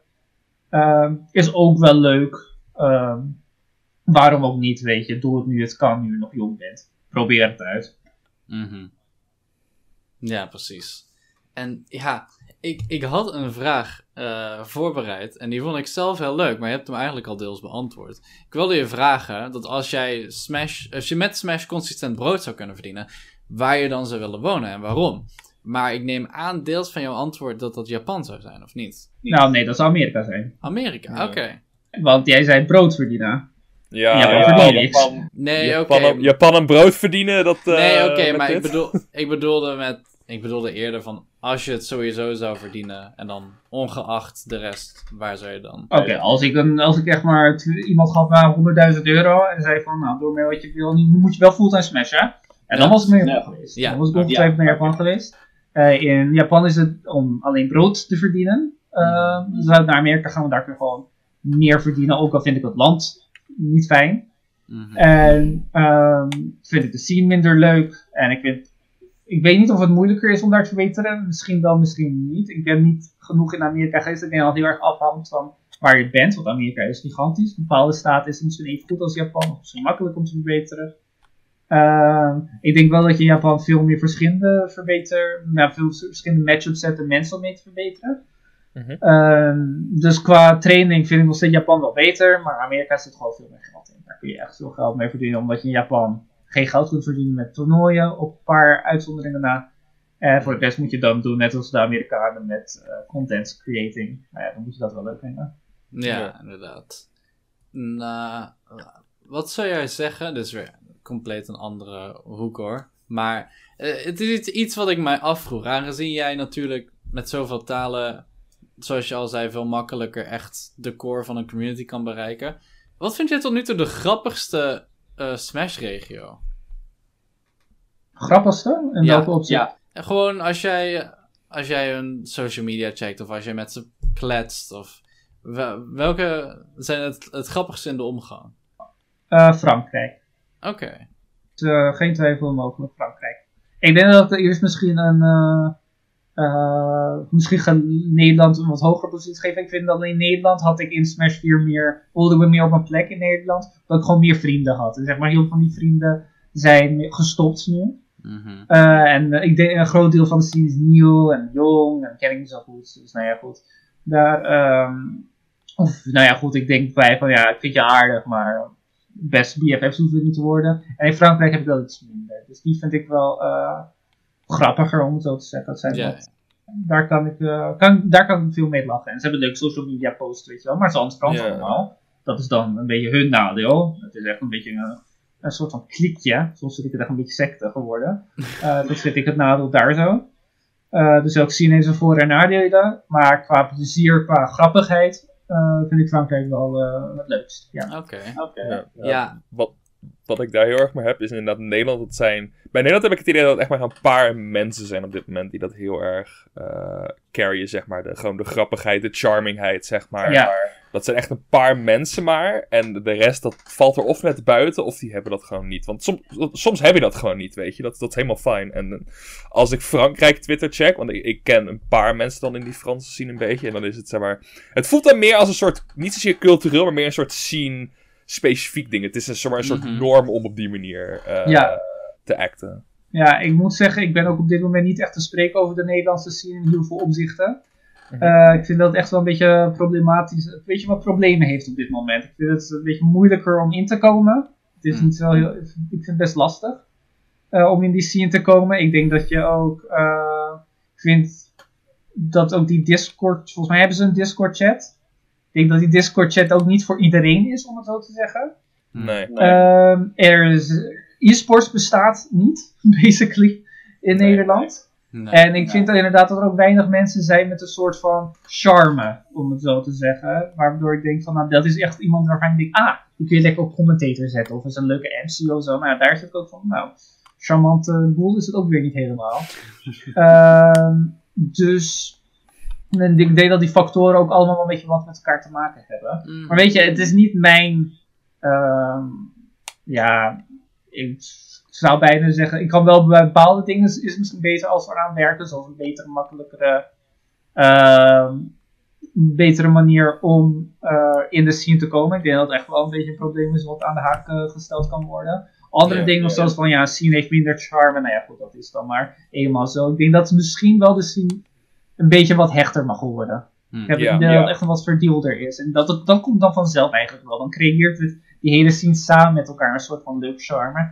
En dat hadden we in Smash 4 wat meer, want dan had je die counterpick toernooien op elke Ja. vrijdag. En daar kwam al- Jan en Alleman kwamen daarheen. En allemaal mensen van verschillende groepen traditioneel gingen daar met elkaar om. En dan krijg je wel echt een leuke sfeer. En charismatischere personen eigenlijk, om het zo te zeggen. Iedereen vindt samen zijn echte identiteit. En kan die dan ook leuk uitdrukken in de scene. En dat mist Nederland. Dat mist Nederland Ja, echt, ja. vind ik. Ja, en ja, het, het, het- online environment helpt daar op dit moment ook niet heel erg bij. Ja, nee, Ehm, nee, Nee, maar wat ik wil zeggen is dat dit is iets waar wij het ehm, met Cersei ook een keer over hebben gehad. En zij gaf toen ook aan dat het voor nieuwe personen heel moeilijk is als die dan in iets als PGK komen. Dat het dan heel lastig is om, eh, om je daar veilig of in ieder geval welkom te voelen. Omdat er gewoon en zoveel mensen zijn en jij kent niemand en heel veel mensen kennen elkaar wel. Ehm, Ja.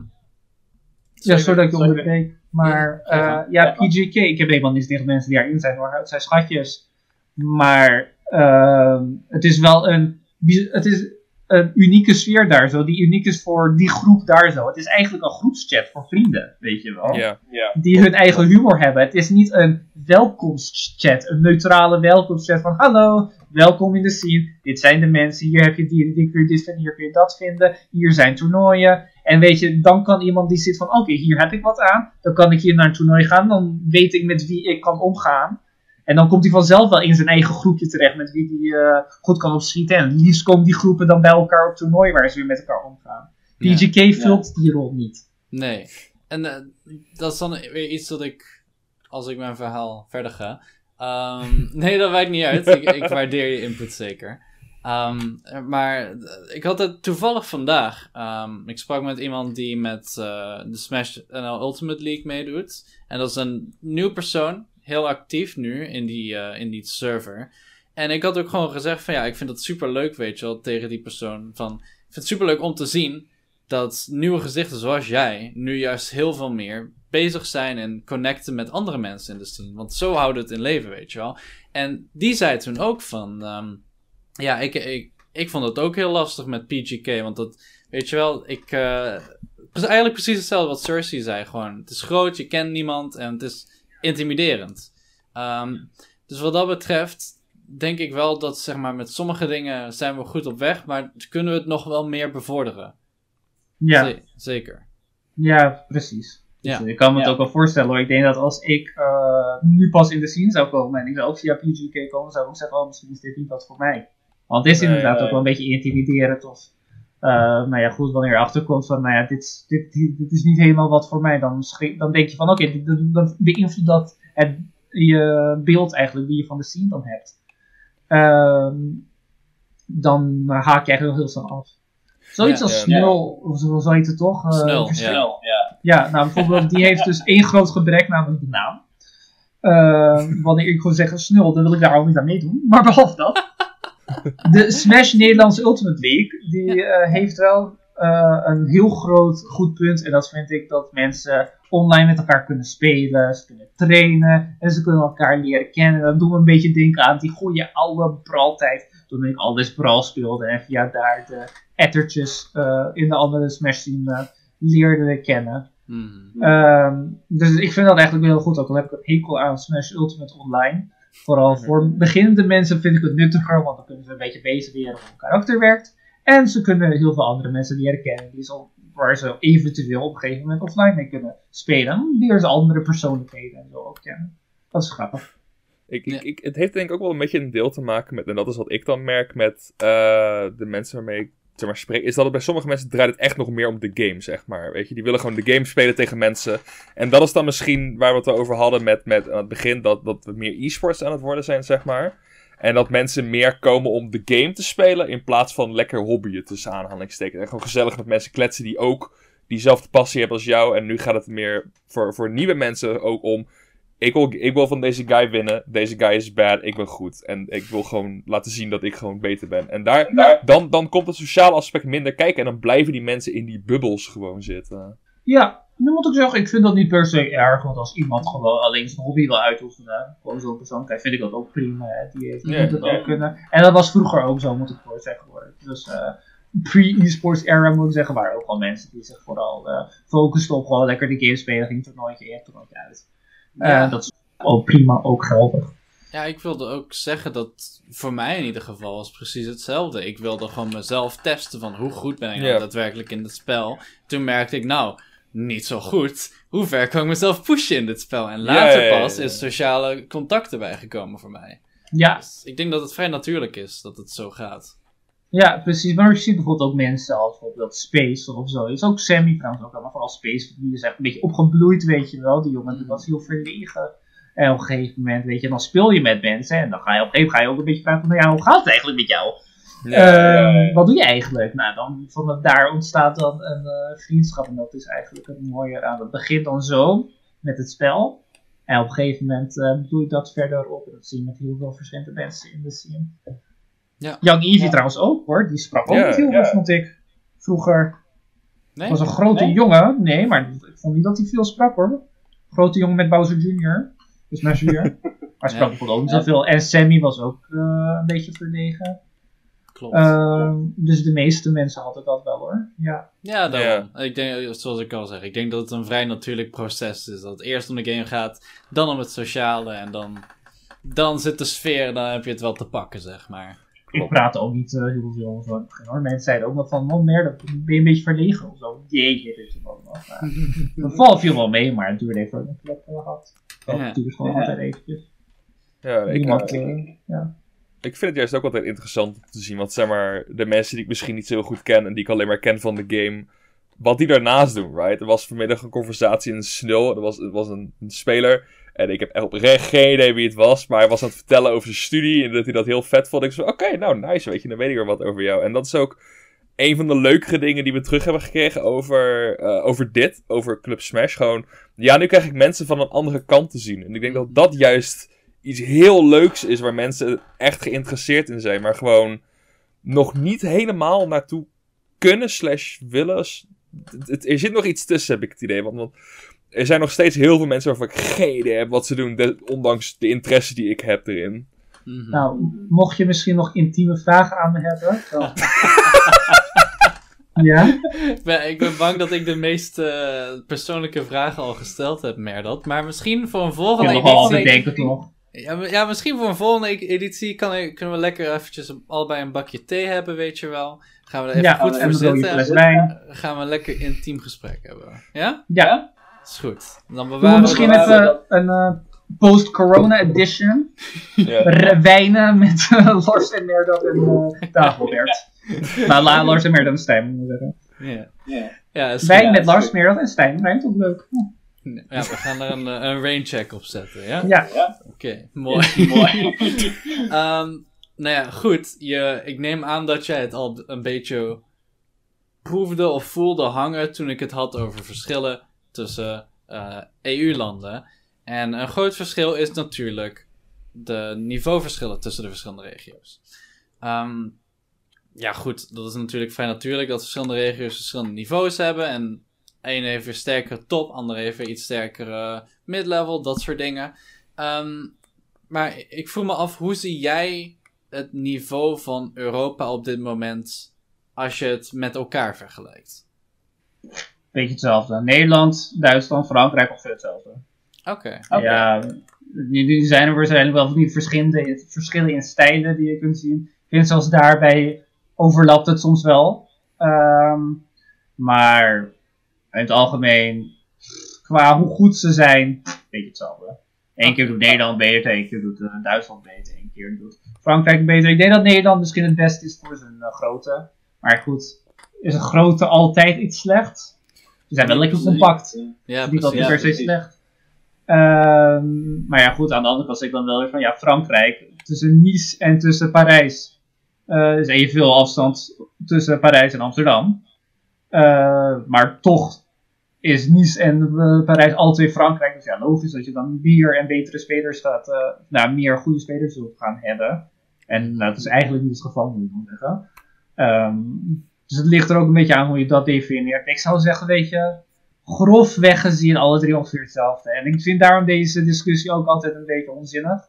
Want ik denk bij mezelf, ja, wat los je hier nou mee op? Kijk, als bijvoorbeeld echt één land beter is, dan zeg ik zo van, ah, kijk, kijk, dat land, daar moeten we een voorbeeld aan nemen. Want dit en dit en dit, dat doen ze goed. Of zoiets, weet je wel. En dan denk ik alsnog wel dat heel veel landen aspecten hebben waar we een voorbeeld aan kunnen gaan nemen. Bijvoorbeeld Frankrijk heeft goede e-sport scene. Hey, hoe kunnen we misschien zo een scene gaan krijgen? Dan moet ik dan wel zeggen, de communicatie tussen landen is dan weer zo erbarmelijk dat er niet van elkaar geleerd wordt. Maar goed. Ehm idealiter zou je dat eigenlijk hebben. Dat wordt echter niet gedaan. Dit is echt een soort van leuk uh, theekop-discussietje. Die, uh, ik vind dat het nergens op slaat. Uh, welke scene vinden jullie vandaag weer beter? En de ene maand zegt ze Duitsland, over vier maanden zegt ze Nederland, over vier maanden zegt ze Frankrijk. Mm, ja, ik verspil mijn tijd er eigenlijk niet mee. Nee, maar het was ook niet mijn intentie om de vraag te stellen met het idee van wie is er het beste, maar eerder wat vind je van de skillniveaus en hoe dat ja, misschien uiteindelijk beter zou kunnen. Um, maar, oh, maar dan, dan heb je het over Europa gezamenlijk. Ja, nou ja, ja, nou ja, eerst inderdaad Europa als een geheel en dan misschien later nog vergelijken met andere. Uh... Ja, ik moet dan een beetje op de uh, probleem. Ik vind het, een beetje, het wordt een beetje een lange discussie, want ik moet dan eigenlijk op de sterke en zwakke punten van de meeste regio's uh, ingaan. Okay. Uh, waarbij ik vroeger vond ik bijvoorbeeld dat Franse mensen uh, juist niet zo serieus waren. Nederlanders waren veel serieuzer. Ze kwamen best wel vaak samen hoor, je zag dat niet veel. Maar ze deden heel veel Smashfest Nederlanders. Bij mij was dat toen, oké, ik kan niet corona. Maar toen kwamen best wel vaak langs, ze waren gemotiveerd. En weet je, ze waren stil. Ze hielden hun mond dicht en ze speelden koptelefoon ook in friendly set. Dat was best uh, serieus. Je moest alleen, je moest het enige wat je nodig had was gewoon uh, tape. En dat deed je gewoon op uh, S1's mond. Maar daarna was het gewoon best wel stil. Ja, um, ja. Die ging dan ook gewoon zijn koptelefoon op doen en spelen. Nou, weet je, maar dat had Frankrijk dan bijvoorbeeld niet.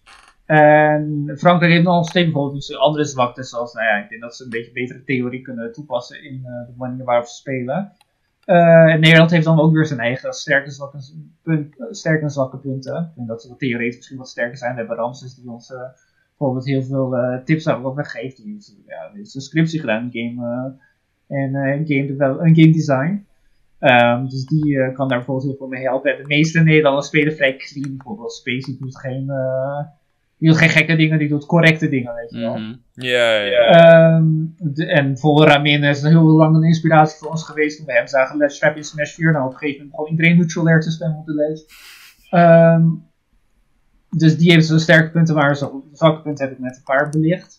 Uh, het zou een beetje op elk land moeten ingaan, maar dat is een beetje een noodtop. Europa in uh, algemeen, ja, communicatie. Ik vind steeds hoe landen met elkaar een beetje omgaan, een beetje zwakjes ik denk dat Europa, elk land te klein is om zelfstandig te zijn. Zoals Frankrijk doet best goed hoor, met een e-sportsindustrie. Maar ze zouden nog steeds veel meer hebben als ze ook uh, met Nederland dingen zouden doen, of met Duitsland dingen zouden doen, met z'n allen dingen zouden doen. Dus dat was ook best wel goed dat we die circuit hadden, die Nintendo circuit. Toen dacht ik echt wel even van, wauw, Europa, uh, mm-hmm. we hebben nog veel te doen, maar we're getting somewhere. We komen misschien wel ergens als we zo doorgaan.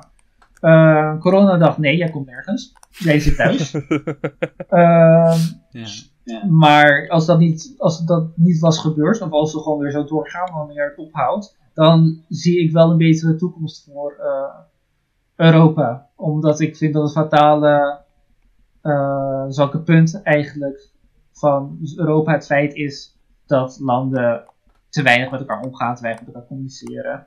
Uh, als we het een beetje economisch gaan bekijken, weet je, als beide landen met elkaar handel gaan drijven, dan, als je het goed doet, dan is dat goed voor beide landen. Net profijt dan, hè? Netto profijt ja, ja, ja. voor beide landen te zijn. En zo zie ik het eigenlijk ook uh, als je met elkaar gaat spelen in Europa. En omdat Europa dat niet doet, uh, mede daardoor, hè, zoals andere zijn, mede daardoor, uh, houdt het zichzelf wel een beetje tegen. En is het moeilijker om met uh, andere landen, bijvoorbeeld Amerika, ja goed, die hebben wat minder barrières qua taal. Ja. Bijvoorbeeld, dus die kunnen makkelijker met samenwerken. En Europa, Japan heeft dat ook en is compact. Uh, Europa heeft dan misschien nog andere, um, andere uitdagingen, maar ook weer andere sterke punten. Is ook compacter dan bijvoorbeeld Amerika, goedkoper. Uh, ik denk soms bij mezelf van, weet je, als we iemand een leuke content creator hebben, kan die dat misschien als sterker punt gebruiken. Oh, elk land heeft zijn eigen taal. Allemaal zijn allemaal anders. Dat is zo leuk. Weet je, dan uh, verkoop je dat eigenlijk. Verkopen de diversiteit van Europa mm-hmm. op die manier. Uh, dus ik denk dat er, als een beetje constructief gedacht wordt, daar wel veel uh, oplossingen van kunnen worden verzonnen. Dus ja, lang verhaal. Wat nog een samenvatting over is, want heel erg een ander verhaal. Uh, maar dat is ook weer iets wat Europa in zijn geheel kan doen en Europa, elk Europees land individueel. Ja. ja. Ik, je, antwoord. je zei het ook, je zei, ja, goed antwoord, inderdaad, dat sowieso. Maar je, je, zei het zo, je zei het ook al eerder in de chat, en, of eh, eerder in eh, de podcast, en ik zag er iemand in de chat het over hebben, dat de Europese landen ook wel een beetje een eigen speelstijl hebben. Je had het over Frankrijk, die heel erg agressief vaak speelt, heel erg gewoon balls to the walls eh, erin eigenlijk. Ehm, maar ik vind het altijd wel grappig om te zien dat elk land een beetje zijn, zijn, speelstijl heeft. Je zei Nederland is over het algemeen redelijk clean.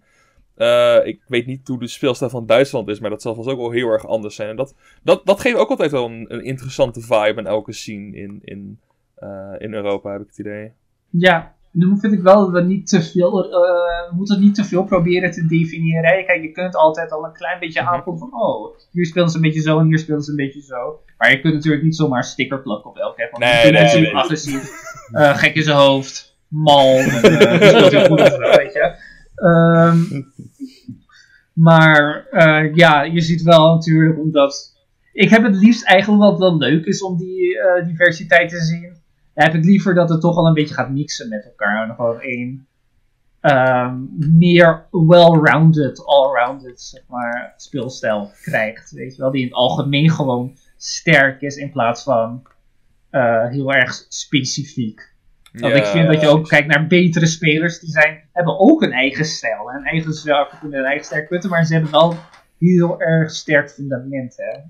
Mhm. En eh, dat, eh, ik denk dat, Europa dat daar, daar ook al voor kan zorgen als ze meer ervaring daarin krijgen. Want dan wordt hun eigen, spel, eigen speelstijl een beetje uitgedaagd.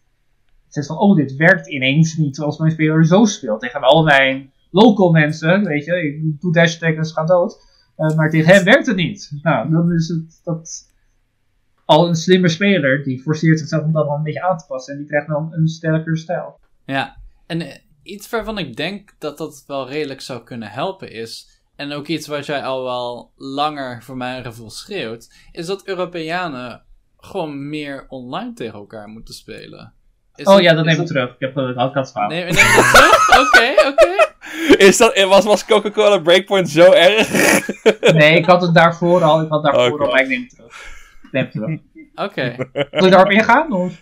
Ja. Ik zou wel willen weten waarom. Ja, ik vind online garbage, honestly. Weet je, ik vind online goed. Ik vind online goed voor twee dingen. Ik vind online goed voor... ehm ehm wat mij eigenlijk anderhalf moet zeggen. Eén ding waar ik het goed voor vind, is als ik, eh, om, om je ka- karakter te leren.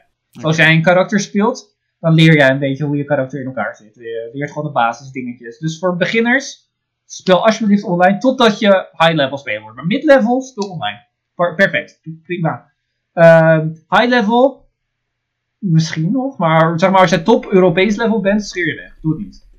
Ehm komen we zo op terug. Wanneer die andere half ehm, verbeterd bent, is dat je, je wordt wel een beetje beter in herkennen van patronen.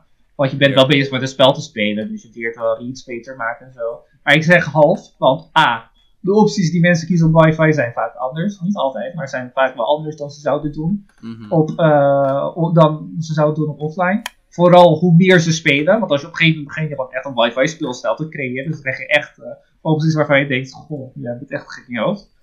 En eh, ten tweede is een ander flaw eraan, of een ander gebrek eraan, is dat ik denk van ja goed, leren readen, ja speel ook lekker een ander vechtspel, leer het ook hoor. Het is een heel erg fundamentele vaardigheid. Leer je niet alleen met Smash, kan je ook doen met Tekken leren. En daar hoef je het haar niet uit te trekken wanneer je online speelt. Ehm, voor top level vind ik het minder goed. Of niet goed. Ik denk zelfs dat je oprecht slechter wordt als je wifi speelt. Of kan worden in ieder geval. Ehm, want ik vind ehm, dat gewoon, ik vind deze, dit spel zo erg timing-based. Als ik bijvoorbeeld een turnip gooi op stage en die raakt mijn tegenstander online, ja, offline had hij gemist. Want ik moet gewoon kijken hoe snel hij ongeveer valt. En dan moet ik een beetje inschatten van, oké, hier gaat mijn turnip heen. En die vier frames, tenminste vier frames input delay. Mijn god, wat dacht dat ik ons online maakte. Maar tenminste vier frames input delay. Dat verandert alles. Dat zorgt ervoor dat die turnip wel of niet raakt. Zorgt ervoor dat ik neutral get hem wel of niet punish. Zorgt ervoor dat ik mijn jump read wel of niet pak. Jump read in neutral overigens. Ik merk ook, ik maak veel meer misinput wanneer ik online heb gespeeld en wanneer ik offline ga. Er zijn heel veel dingen die ik online niet eens kan trainen. Ik kan niet eens tegen Joker edgeguarden, want als hij Arsene doet naar de ledge en ik doe neutral there, ja, op een gegeven moment leer ik de timing wel. Ja. Uh, maar dan kan ik het offline niet meer. Dus ik, ja, daar heb ik dus lekker niks aan. Of ik speel tegen een Wolf die. En ze zeggen soms: ja, online is goed voor matchups leren. En dan denk ik van, nou, dat valt ook wel mee. Want ik kan niet een matchup waar ik moet leren parryen, kan niet. Mhm. Eh, bepaalde opties zijn heel goed online, maar heel slecht offline. Dus ik zeg, ja, dus dan leer je echt een match op de verkeerde manier. Of je moet dat echt goed kunnen herkennen. Maar als je zo goed bent in het herkennen ervan, dan betekent dat je theorie al heel goed is. Dus dan zeg ik van, nou, dan heb je eigenlijk niet wifi nodig. Speel gewoon de match maar in je hoofd of zo. Ehm, dus ik denk dat je gewoon slechter wordt, omdat gewoon heel veel van jouw natuurlijke dingetjes, die, dingen die jij onbewust leert, onbewuste timings, Ja. eh, die worden gewoon eh vernacheld eh, op- online. Dus ik raad het zelfs af. Oké. Dit- Behalve als je midlevel speler bent. En moet ik zeggen, 80%, 90% van de mensen zijn dat. Dus ja, speelt dus online. Dan kun je eh, beter je karakter leren kennen. Zelfs daarbij moet je alleen ook soms kritisch na kunnen denken van zou dit offline kunnen werken. Maar goed, weet je, eh, waarschijnlijk win je er meer aan dan dat je verliest. Ja, Eh, ja. maar je moet, ik moet wel even zeggen, jongens, eh 4 frames input delay de meeste wegspellen, wanneer je zoveel lag hebt dat het 4 frames is, gaan ze het spel niet spelen. Ze zeggen, dit is unplayable, sorry, ik ga een ander spel zoeken, of ik ga een ander game zoeken. Dan gaan ze met iemand anders spelen. 4 frames te veel. Ja. Nou, duidelijk. Ik, eh, kan me er wel bij het allergrootste gedeelte, of het overgrootste gedeelte, kan ik me er goed bij aansluiten, inderdaad. Ik denk ook dat het ehm, heel lastig is om goede practice eruit te weten te krijgen op een hoger niveau. Eh, en dat het vooral handig is voor als je nog minder bekend bent met jouw eigen character. Ehm, Ik denk wel dat het kan helpen in het misschien herkennen van situaties die tijdens een match voor kunnen komen. En dat je daar misschien dan wel profijt uit kunt halen. Gewoon puur omdat je vaker in een situatie gegooid bent. Ehm, maar ja, zelfs dan, inderdaad, wat jij al zei, dan moet je wel nagaan van is mijn antwoord die ik nu heb verzonnen, zou dat ook offline werken? Eh, daar moet je wel even goed bij stilstaan. Ja. Ja. En daarbij, ja, zijn juist zulke situaties waar je zeg maar altijd reflexief iets toont. En het vervelende is, zeg maar, dat reflexief is onbewust. Mhm. En daar kun je dus niet zo makkelijk over nadenken, werkt het offline of werkt het online. En juist die reflexieve, onbewuste dingen, dat wordt kapot gemaakt door eh, eh, online. Dat is eigenlijk, dus dat jij even aanvoelt van, hey, hij gaat hier jumpen, hier moet ik nu een hitbox uit gaan gooien. Deze timing, deze spacing, dat, Ja, wordt, ja. Dat is heel onbewust. En offline zou dat niet meer gaan werken dan, omdat jij dan vier frames, dus om vier frames eerder zijn, vier frames al erg later geweest. Mhm. Ehm, dus ja, online, don't do it. Ik ben, er, ik, ben er, ik ben erop teruggekomen, weet je, Europa moet gewoon lekker veel gaan spelen met elkaar te reizen. En ook wanneer ze elkaar eens een keer zien, plaats van, ik heb country pride, ik wil niet dat iemand matchen doet of zoiets. Eh, nee, je speelt maar gewoon met elkaar en misschien meer bootcamps of zo. Like, Ja. dit weekend gaan mensen gewoon met elkaar lekker spelen. Dat is een goede manier eh, voor Europa om te verbeteren. Dat deden ze ook wel hoor, trouwens. Deden ze meer voor corona. Toen begon het ook beter te worden. Eh, Hmm. Dat moeten ze eigenlijk volhouden voor eh, na corona. Nou ja. Ik, ik, ik denk nog een ding wat ik nog specifiek geleerd heb, maar misschien is dat heel erg voor mij specifiek, is dat eh, je weet wel de term gewoon de wifi habits, weet je, mensen zijn online. Als ze echt online spelen, hebben ze veel meer habits, veel meer opties die je Ja. hebt van wat ben je aan het doen. Maar ik heb juist heel erg dat ik mezelf, doordat je dan online speelt, zijn die situaties waarin mensen habits hebben extremer. Dus dan kan je jezelf een beetje trainen om dat soort situaties te herkennen. Nog niet per se het antwoord te vinden, maar meer jezelf trainen om gewoon te kijken van oké, nu zie ik hem dit doen, nu zie ik dit doen. Kijk, het oplossingengedeelte is dan nog lastig, omdat het gewoon inconsistent werkt met offline-online. Maar het feit dat jij jezelf traint om dat soort dingen te zien in extremistische gevallen. En online of offline, zeg maar, kan je dat ook wel wat gaan toepassen. Want je weet waar je op kan letten. Het is dan misschien wat minder subtiel, of wat subtieler. Maar je, je traint jezelf wel in, in het spotten van bepaalde patronen. En dat, dat is denk ik wel iets wat. Kan je ook doen door gewoon te kijken, though. dat kan je ook gewoon doen door, door te Ja, kijken. Maar, maar je snapt denk ik wel wat ik bedoel. eh. Ja, en ik, maar, ja, maar ik heb het net eigenlijk ook al vermeld, weet je. Ja. dus wat voor, voor patroon. Ik zou zeggen, schaf een game aan die een goede rollback netcode heeft. En leer, eh, leer die game een beetje beter, leer valwords beter in agressief patronen herkennen. Op een gegeven moment ga je matchups leren, dan leer je ook defensief patronen kennen. Dus dan leer je reads maken en zo. Ehm, wat heel veel van die patronen die mensen online doen, omdat ze, zoals ze zeggen, online habits hebben, verandert een optie eigenlijk een beetje. Als je tegen een. Palutena speelt in de neutral get up dash attack, dan zeg ik van ja, ik wil bijna mijn controller weer uit het raam gaan gooien. Want ik denk, ja, natuurlijk werkt dat. Ik kan niet reageren op jouw neutral getup. En voor ik het weet gooi je een dash in mijn gezicht. Terwijl, misschien offline, ik gewoon je daarop pak. En Ja. omdat ik hem dan één of twee keer pak, doet hij het ook niet meer. Dus dan is die hele situatie niet eens geldig, om het zo te Ja, zeggen. dat is zeker, dat is zeker waar. Daarom, ehm, na lang online gespeeld te hebben, denk ik, nee. ja. Nou, duidelijk. eh. Ik heb het geprobeerd, maar nee. ja, dat is fair inderdaad. Ik eh speel zel- zelf de laatste tijd wel weer wat meer. En eh, het heeft voor mij vooral geholpen met CSS. Want eh, ja, goed, nieuw character, veel nieuwe dingen aanleren. Ja, maar eh, ja, Nieuwe speelstijlen tegen leren spelen daarmee. Dus voor jou helpt het sowieso, ja. dan is Als je dan een nieuw character leert, ja. Ja, maar het is inderdaad maar net eventjes goed kijken wat je eruit haalt, wat je verwachtingen zijn. En ook gewoon, weet je wel, bewust zijn van, hmm, zijn mijn opties offline ook goed? Ah, ik denk dat dat een, eh, een redelijke conclusie is die we voor nu er even uit kunnen trekken. Uh, want we waren nog lekker aan het praten over uh, Europa, niveaus en dat soort dingen. En ik vroeg mij ook af, um, is er een land waarvan jij zit in Europa van, hmm, die is tot nu toe die is, of tenminste op dit moment, nog wel een beetje underrated? Of heb je dat niet zo? Nee. Nee?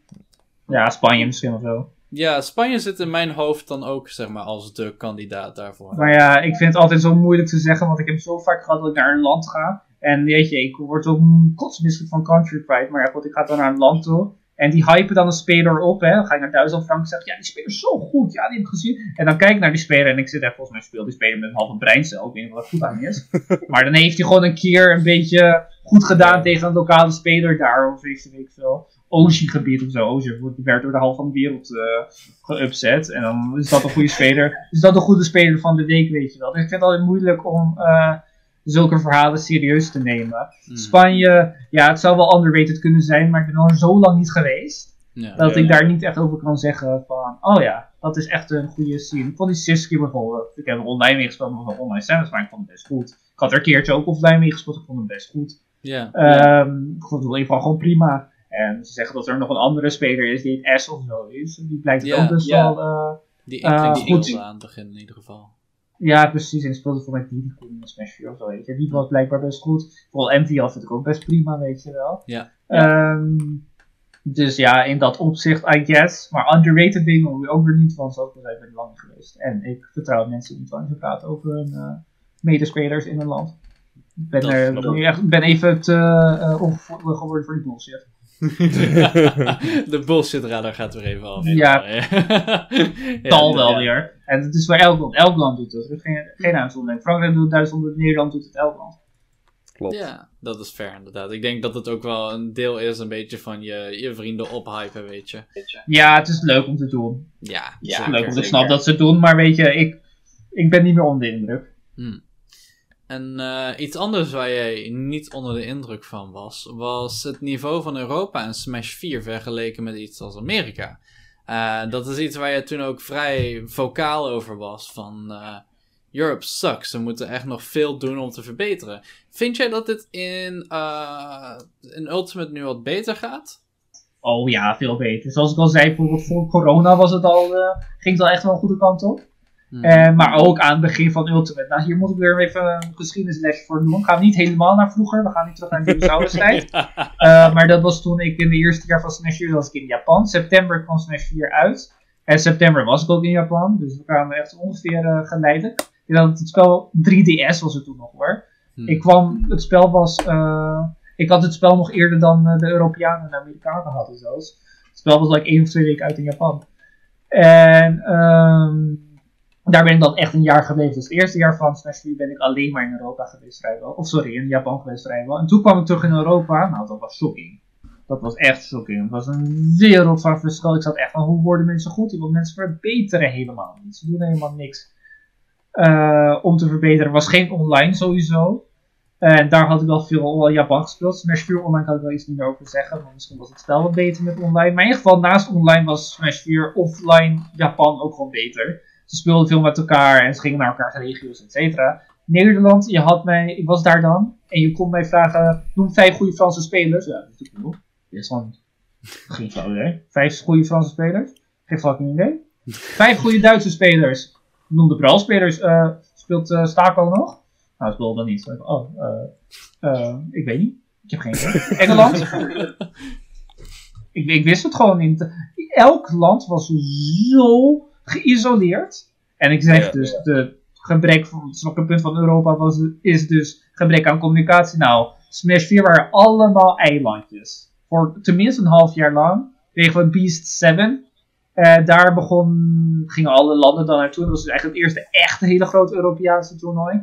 Vanaf daar werd het dan geleidelijk aan een klein beetje beter. En dan heb ik ook inderdaad mensen nog uitgescholden op Twitter van jongens, we zuigen moeten doen. Ik vind dat ik ook wel een beetje te hard was hoor. Ik was echt wel te agressief, maar ik was ook gefrustreerd. Ehm, ja. eh, tegen, nu ben ik wel iets eh, liever in vergelijking met toen. Ehm, maar toen was het ook wel echt veel erger. Dus niet te vergelijken. Het eerste Ultimate toernooi, dat was like Valhalla, dat was het eerste grote. Ehm, en daar zag ik al meteen heel veel Duitsers en Fransen en weet ik veel, Nederlanders. Dus daar, het begon al vrij. En mensen zeiden, oh wat leuk om je weer te zien. Ha, wat leuk om elkaar weer te zien. Dus het begon al veel meer verbonden. Dus dat is ja. een duizend keer betere start dan Smash 4. Alleen zoals we wel zagen was het niet genoeg nog. Niet genoeg om met eh, andere landen, eh, met Amerika en Japan nog eh, op gelijke voet te staan. Dus liep in heel veel andere vlakken nog achter. Maar het was een lenke stap vooruit. Het grootste, een groot deel was gedaan. Ja. Namelijk, Ja. we kenden elkaar. En de- denk je dat dat ook de grootste reden is geweest waarom het nu in Europa qua skill zo goed gaat? Relatief gezien in ieder geval vergeleken met Smash 4. Er zijn wel meerdere redenen, maar ik denk dat een vergelijking met Smash 4, ik denk dat dat wel een grotere, grote oplossing is geweest. Ja, dat we naar elkaar uit landen reizen. Want weet je, het, een, gro een grote reden waar mensen verbeteren is natuurlijk human kapitaal. Oftewel heb jij mensen om je heen die ervoor zorgen dat jij verbetert. En human kapitaal kan dus zijn dus een speler met wie je helpt te verbeteren, maar het kan ook een coach zijn, et cetera. En dat, dat nogmaals, elk land is niet zo zelfstandig genoeg. Je kan dat niet op zijn eentje doen. Als je even in zijn eentje doet, Ehm, we helpen elkaar eh, als we meer met elkaar spelen, want dan heb je meer spelers, meer matchups. En je vermoedt je speelstijl vaak veranderen, et cetera. Er zijn nog wel andere redenen natuurlijk, namelijk het feit dat e-sports en de industrie in Europa gewoon minder groot is, minder geld in zit, minder goed is. Mhm. Eh, als we bijvoorbeeld meer geld daarin kunnen hosselen, als we bijvoorbeeld meer sponsors kunnen krijgen, eh, meer bedrijven kunnen aantrekken die geld in ons willen investeren, en dan eh, is dat ook een grote bijdrage. En dat zal waarschijnlijk ook bijdragen aan het feit dat Europa dan meer verbonden met elkaar zal zijn, want mensen zullen meer gaan reizen. Dus dan, het speelt echt, het vult elkaar aan, heel erg. Ehm, Ja. Ik denk dat die twee dingen eigenlijk gewoon het grootste ding zijn. Dus minder, te weinig geld nog eigenlijk, in heel veel opzichten. En eh, verbondenheid tussen landen. En beide kunnen elkaar helpen. Ook verbondenheid kan juist ervoor zorgen dat er meer geld in komt. Hè? Want bijvoorbeeld als TO's allemaal groot gaan samenwerken in Europa en grote toernooi gaan organiseren. Of zoals we zagen de European Circuit. Nou, dat is dus het voorbeeld van samenwerking tussen eh, TO's. Ja, dan zie je dus dat heel veel mensen gaan reizen. hey, dat zorgt ervoor dat meer mensen gaan kijken naar streams. hey, dat zorgt ervoor dat meer mensen geïnteresseerd zijn om te investeren in Smash. Het vult elkaar heel erg aan. Ja. Oké, dus eigenlijk zou er ergens ooit die eerste stap echt gemaakt moeten worden. Van, Ja, we gaan het zo. Ja, verschillende stappen hoor. Ja, het is een geleidelijk proces, maar er moeten allemaal stapjes gemaakt worden om A, verbondenheid en B, geld eh, Ja. te vinden. logisch. Oké, dan. ehm Ja, overwhelming hè? Ja, ja, ja, het is heel veel om, eh, om aan te Oké. pakken, inderdaad. Maar, eh, houd je bek. nee, nee, nee, nee, helemaal niet. Ik, ik deed namelijk zo, omdat ik redelijk richting het einde van mijn vragenlijst aan het komen ben. Dus ik wil aan de chat vragen of zij nog vragen voor jou hebben. Daar ga Eh, ik ook eens eh. even kijken. En in de tussentijd wil ik onze sponsor, Juice Real Energy, nogmaals bedanken voor het sponsoren van Smash Café. Eh, het is het energiegerelateerde product dat je kan krijgen als een poeder. En daar kan je lekker een sapje van maken en lekker opdrinken. En als je daar zin in hebt, ga dan naar juiceenergy.eu en gebruik de code SHUK en dan krijg je lekker 15% korting. Want wie wil niet gratis korting? Dus, we gaan eventjes kijken of de chat vragen heeft voor jou. Eh, Nou, daar komt de eerste al binnen, van Lustrous. Hoe voelen jullie over het feit dat Nederland zich zo lijkt te cateren op Engels in plaats van meer intern? Ik denk dat dat een heel goede vraag is. Ja. Ik, ik, om daar gelijk zeg maar zelf even in te haken. Ik Aha. ben namelijk een van de weinige mensen in dat opzicht die een voorstander is voor eh, Nederlands commentary bijvoorbeeld op, op kleinere locals. Eh, want dat- voor nu, zeg maar, als je kijkt naar, naar de locals die we hadden op dat punt, weet je, als ze een stream hadden, 9 van de 10 keer was het alsnog in het Engels. Eh, en als je al zo'n klein evenementje bent, dan heb ik altijd zoiets van, ja, wat ga je dan bereiken door puur Engels te spreken? Weet je, wat, wat ga je eruit halen? Terwijl met, als jij Nederlands gaat spreken, right, je hebt een klein toernooitje, dan je catert naar de, waarschijnlijk de mensen in je buurt, je, je directe omgeving. En, en als je dan gewoon lekker Nederlands kan praten, je kan wat, makkelijker uit je woorden. Het is misschien kwalitatiever. Want als ik sommige locals Engels commentary hoor, dan is het echt van, oeh, mm, dit, dit, dit helpt niet. Dit helpt niet. Dus, dus ik, ik, weet, ik heb altijd iets van, daar is misschien een focuspunt wat we nog kunnen pakken. Gewoon op kleinere events meer focus op, op gewoon Nederland op dat punt. Want Engels commentaar gaat gewoon, wat gaat het helpen? Ja, ik vind commentator, commentating altijd een moeilijk, moeilijk onderwerp. Ehm, Ja. Ik zie namelijk echt wel. Ik, ik neig meer, moet ik zeggen, naar eh commentaten in de eigen taal. In de Ja, moedertaal. Ehm, wel moet ik zeggen, het ligt echt wel aan het land. Kijk, je ziet Frankrijk heeft er heel veel mee gewonnen. Daarom Ja, bij Frankrijk ja. was wel helemaal. Frankrijk was echt puur commenteer, commenteer in het Frans. Alsjeblieft, commenteer niet in het Engels. Hebben ze uiteindelijk Frans gedaan, ze hebben er heel veel mee gewonnen. Zorgt er wel voor natuurlijk dat een land dan ook wel een beetje meer op zichzelf gefocust wordt. Maar goed, ik denk dat je als land ook wel je eigen taal kunt commenteren en internationaal gefocust kunt zijn. Dus je ziet wel dat kleinere landen misschien meer aanwisselen, zoals Oostenrijk en Zwitserland en weet ik wel, Nederland. Ze hebben misschien meer aandeel eraan als ze in Engels commenteren, omdat de scene kleiner is. Echter, eh, kun je andersom weer redeneren als wij meer in bijvoorbeeld Nederlands commenteren. ehm, dan bevorderen we toch echt wel meer de local scene. Dat gebeurt gewoon ja. meer. Mhm. Eh, want je laat eigenlijk deze ceremoniële functie, symbolische functie al van hallo, ik commenteer in Nederlands voor de Nederlanders. En ook veel jongere mensen of mensen die in het Engels niet zo heel super denderend is of zo, die worden ook makkelijker door aangetrokken. En ik vind ook, ehm, eh, ik vind het gewoon een heel goed punt van je, eh, dat je ook gewoon eigenlijk, ook eerlijk van je, ehm, dat je zegt van ja, Nederlanders zijn vaak ook gewoon beter als ze commenteren in het Nederlands. Eh, want het komt vloeiender. En ik vind altijd dat, weet je, ik vind Nederlanders, er zijn veel Nederlanders vind ik wel prima wanneer ze Nederland, het Engels commenteren. Maar er is wel een grandioze overschatting van het eigen niveau van Engels.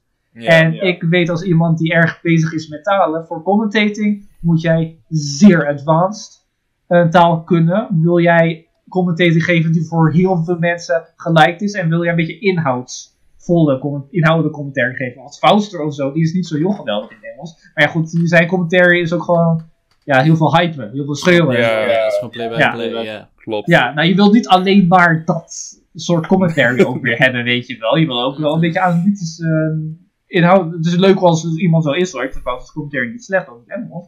Ehm, wel vind ik het beter in het Frans, moet ik erbij zeggen. Eh, en het is, eh, ja, je beperkt je stijl dan. En Ja, Nederlands, ja. soms denk ik van, ja, of niet alleen Nederlands, ook wel Duits of zo.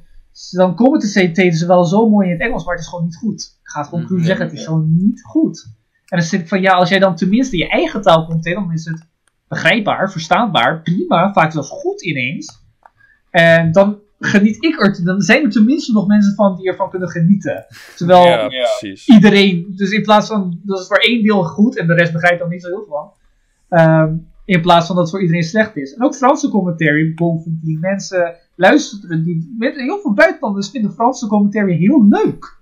Mhm. Terwijl ze geen woord Frans kunnen. Ook, ook Japanse commentary. Heel veel mensen vinden Japanse commentary heel leuk. Niemand die over Japanse commentary zegt. "Ah, waarom is zo Eh, Nee, nee, helemaal niet. Ze vinden het wel leuk om te horen. Je hoort gewoon de toon. Je hoort, je hoort dat ze hype zijn. En Mhm, hype dingen, dingen benadrukken, dat hoor je gewoon veel beter in de eigen taal. Ja. Ehm. Dus soms, zelfs al versta je geen boven wat te zeggen, is het alsnog beter dan wat je wel snapt, maar het wat slechte commentary is. Dus ik neig meer naar eh commentary in eigen taal. Maar, maar, ik ga toch wel zeggen, ik ontken niet de voordelen Nee, van nee. commentary in het Engels. Vooral niet voor een kleiner land zoals Nederland. Die ook wel Nee, meer wil nee. focussen erop. Maar ja, ik wil ook realistisch zijn. Ik denk dat er heel veel mensen zijn die wiens commentary in het Engels op het niveau is van de commentary in Nederlands. Ik denk eigenlijk vrijwel iedereen met twee, drie uitzonderingen na hoogstens. Echt hoogstens. Ja, Commentaten. Ja, zelfs Ja. mensen die heel goed Engels kunnen, maar echt heel goed Engels kunnen. Voor commentary moet je ook echt comfortabel zijn in je taal. Zeker. En Ja. E- emotioneel goed kunnen uitdrukken.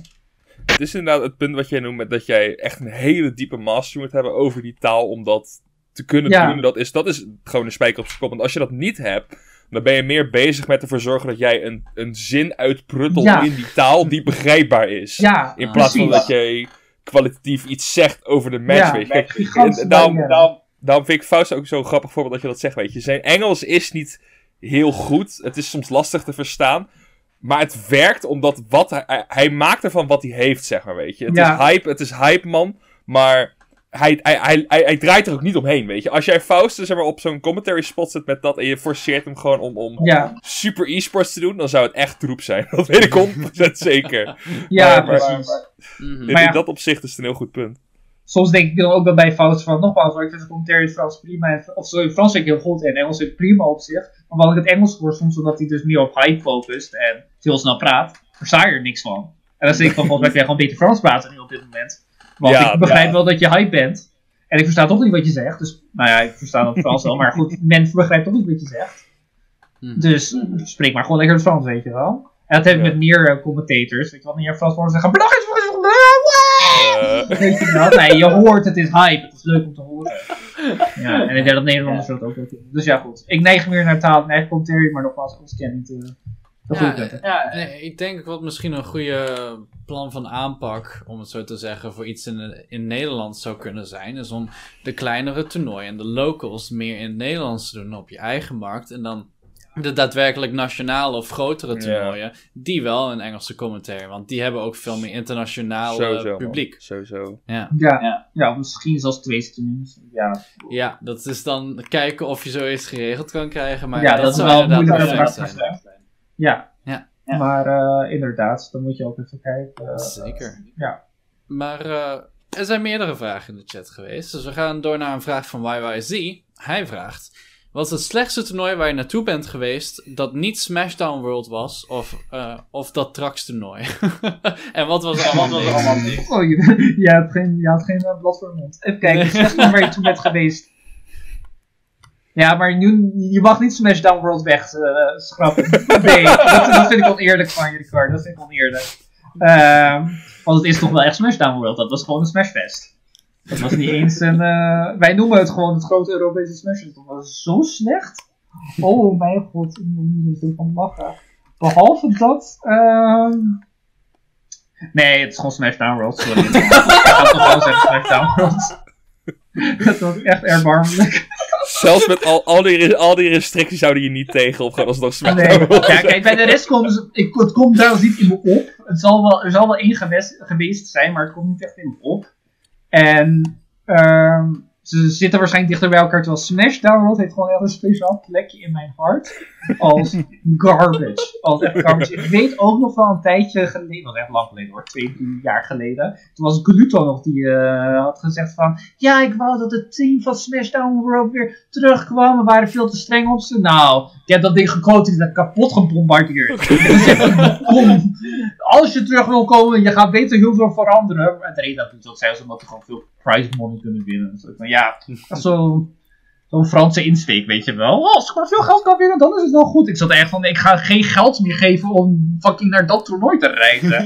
je moet me echt een miljoen geven om like 16 te worden of zo. Smashdown World, het was te klein. We zaten op elkaar. Het is hier corona unfriendly overigens eh, deze tijd. Ehm, je had niet eens een desk waar je de results kon doorgeven. Je moest het letterlijk schreeuwen door de zaal heen. Oh mijn god. Eh, ze schreven de res- resultaten dan op op een blaadje, maar omdat ze dus geen desk hadden, moest hij zijn blad tegen de muur houden en er met de pen opschrijven. Oh, Eh, het was chaotisch. Melee zou gehost worden, maar Gamecube deed het niet. Uiteindelijk moesten ze een boek gooien, een boek zetten op hun Gamecube, want anders was de CD niet dicht ging of zo. Oh, het was gewoon. Het was een grap. Het hele ding was een grap. Eerst zou het match gespeeld worden, het liep uit. Het zou wel gespeeld worden, maar het zou niet gespeeld worden. Het was. eh, oh ja, en het eindigde ook gewoon niet. Het ging zo laat door. Ja, dan zit je om 11 uur je bracket match te spelen. Helemaal, je bent al moe, want je moet al reizen. En dan moet je om 11 uur een bracket match spelen. Dan speel jij dan maar lekker tegen Luigi of Sonic of weet ik veel wat eh, al die Europeanen toen de tijd speelden. Nou. En dan alleen maar zodat ze de volgende dag het allemaal konden gaan eh, broadcasten. Ja, het was Ja. gewoon. eh, Nee, Smashdown World, sorry Ricardo, maar het is gewoon Smashdown World. Die eh, heeft echt een tuintje in mijn hart. Dat is fair enough, denk ik. Ehm, sorry, ja? Zal ik gewoon de chat kijken, want hier zie ik een paar. Ja, ik, ik wilde die van Ramses. eh, maar ik, het is altijd wel belangrijk dat we even de vraag herhalen. Want als het op Spotify komt, kunnen mensen niet de chat zien. Dus vandaar dat ik de vraag even herhaal. Dus Ramses die vraagt: Als iemand die in veel landen heeft gegrind, wat denk je dat het belangrijkste is per land wat je geleerd hebt qua gameplan? Of gameplay, sorry. Ik vind het moeilijk. Ik vind het wel moeilijk, want ik heb niet echt altijd expliciet iets wat ik aan een land verbind. Van, oh ja, dit heb ik zeg maar echt het land eh, geleerd. Ik heb dat meer dat ik denk gewoon, gewoon qua speler of zo. Van, oh ja. En zelfs dan, eh, ja, hoe zeg ik dit? Ik vergeet het een beetje in de zin van, ik weet dan, dan weet ik wel waar ik aan moet werken. Dan zeg ik van, oké, ik speel nu tegen Gluto, dus nu moet ik werken aan een beetje beter recoveren of zo. Want hij pakt ook altijd een recovery, dus weet ik veel. Ehm, of nu speel ik tegen X en dan moet ik even een beetje werken aan, eh, oh ja, deze optie gebruik ik te weinig. Ik moet weer backdash gaan doen of zo. Maar ik verbind het dan niet echt. En dan later, wanneer ik het heb geïntegreerd erin, ehm, dan vergeet ik eigenlijk weer dat ik het heb geïntegreerd überhaupt. Ik doe het gewoon. Ja. Ehm, dus het is zeg maar de samurai waar je het over hebt. Ik heb een, dus ik weet dan niet- eigenlijk niet eens meer waar ik het heb geleerd dan. En ik verbind het sowieso niet met het land. Ehm, het is wel zo dat bepaalde landen echt wel meer stijlen hebben. Maar het is ook weer niet zo dat ik kan zeggen, oh ja, hier leer ik deze stijl, hier leer ik deze stijl, hier leer ik deze stijl.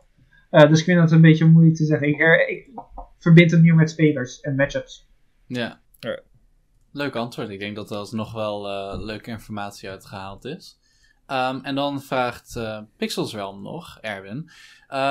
Merdot, wat is jouw mening over de vorm waar waarin wij nu local spelen, Double Elimination? En zou jij zelf liever een ander format zien en dan voornamelijk in het opzicht van nieuwe spelers introduceren in de scene? Ehm, de, of de former nu local spelen, zou je zelf van. Locals vind ik eigenlijk nu wel prima. Want locals zijn, eh, ik weet niet, volgens mij bedefinieert je met locals eh, dingen als AFK, waar we in de avond spelen, toch? Mhm. Ja, van Eh, ja, 32, 32 ja. man of zoiets. Ja, daar zie ik niet echt een andere. Kijk, als je echt heel weinig mensen hebt, speel maar lekker round robin of zo. Ehm, anders denk ik dat je wel het beste is eh, om het eigenlijk zoals nu te doen, dus double elimination. Eh, ik ben zelf ook wel een voorstander van leagues, dus eigenlijk zoiets als snel, maar dan offline. Ja. Met, is wel misschien moeilijker te organiseren. Ehm, ik denk echter wel dat je zoiets beter alleen kan doen wanneer de scene te groot wordt. Bijvoorbeeld als je van 120 mensen zijn geïnteresseerd zijn in je locals. Dat je dan gewoon kunt zeggen, nou weet je, maandag speelt klasse D, woensdag speelt klasse C, donderdag speelt klasse B en vrijdag speelt klasse A of zo. Doe je dat eigenlijk op die manier heel erg mooi verdelen. Kan in theorie zoals met corona ook. Uh, mocht de events weer mogelijk worden, dat je kunt zeggen van uh, spelen dan uh, klasse E, A, B en C. En we kunnen niet met z'n allen spelen, dus we doen het op deze manier. Dan kunnen ze toch drie dagen per week uh, locals houden. Dus ik ben wel fan van, uh, ja, gebaseerd op klasses toernooien houden. Dan spelen mensen ook met, op een, mensen op eigen niveau, zeg maar. En bij grotere toernooien, of bij Smashfest, kunnen ze dan meer, kunnen verschillende klassen, zeg maar, verschillende skill levels met elkaar spelen. Dan mengt dat, yeah. zeg maar. Want ik vind wel dat je er meer aan hebt, als je dat doet. Uh, dat is mijn, uh, dat is denk ik, vind ik tenminste, zou ik wel een groot uh, pluspunt vinden, een groot vooruitgang vinden. Ehm, behalve dat vind ik double elimination wel goed. Okay. Vooral als het snel af is gelopen, kunnen mensen ook vreemd spelen of wel, ja? Ja, ik, denk inderdaad dat dat het, het sterkste punt is met locals op dit moment, dat er eh, relatief veel switches per person zijn. En dat heb je bij majors totaal niet, daarom zit het in pools. Maar bij een AFK dan heb je een 20 man bracket of zoiets. En dan heb je gewoon 8, 9 switches daar staan of zoiets. En dan kan je dan altijd nog. Desnoods zit je er wel. En dan komt er waarschijnlijk wel iemand naartoe, die ziet je spelen, die vraagt om je Ja. te spelen. Maar daar is de kans gewoon veel groter dat je naast je bracket nog een friendly vindt. Ja. En ik denk dat, dat daardoor dat die gewoon double elimination gewoon kan op locals. Ze- Mede ook omdat er juist sneller meer switches beschikbaar komen in plaats van bij eh, round robin. Maar ik denk, ik denk dat dat gewoon... eh, het is makkelijker om iemand te vinden om mee te spelen op, op locals sowieso. Dus dat... Ja, ja, ja. En het is super belangrijk om fantasy te spelen, want daar kun je heel erg veel uit leren en ervaring uithalen, absoluut. Mhm. Dus ja, het is altijd fijn als je genoeg switches daarvoor hebt, zeker. Ja. Oké, super. Dan ehm, denk ik dat wij eh, bij het einde van deze aflevering zijn gekomen. Ik zie nog even een vraag van Ramses OWO. Kut antwoord, kut mer dat. Eh, Dat is nou, geen Ramses, vraag. misschien was het wel Ja, gewoon een kut vraag. Dus eh, misschien kun je daar een beetje aan gaan werken. Ja, maar dan denk ik dat we inderdaad over zijn. Ja, super. Dan ehm, wil ik e- allereerst Stijn natuurlijk hartstikke bedanken voor mij het vergezellen weer. En Ram, eh, Ramses, hij zit nu rentfree in mijn hoofd. In jouw. Verdomme. Nee, eh Merdad, jij ook natuurlijk hartstikke bedankt voor het, eh, het joinen en het vergezellen en het beantwoorden van alle lastige vragen die wij jouw kant op hebben gegooid. Ja. Ehm, volgende week hebben wij natuurlijk weer een nieuwe gast. En dat zal Badder zijn. Dus dat gaat ook weer een heel interessante aflevering worden. Zou, heb je daar zin in? Kijk dan zeker volgende week weer. En voor nu zijn wij klaar. Dus hartstikke bedankt voor het kijken bedankt en voor het Ja, luisteren. bedankt. Ja, En dan, eh, ja, dat is super leuk. Dat dan. was super gezellig. Dankjewel voor het interview en de moeite. Ja, Yes. Tot dan. Doei doei iedereen. bye bye.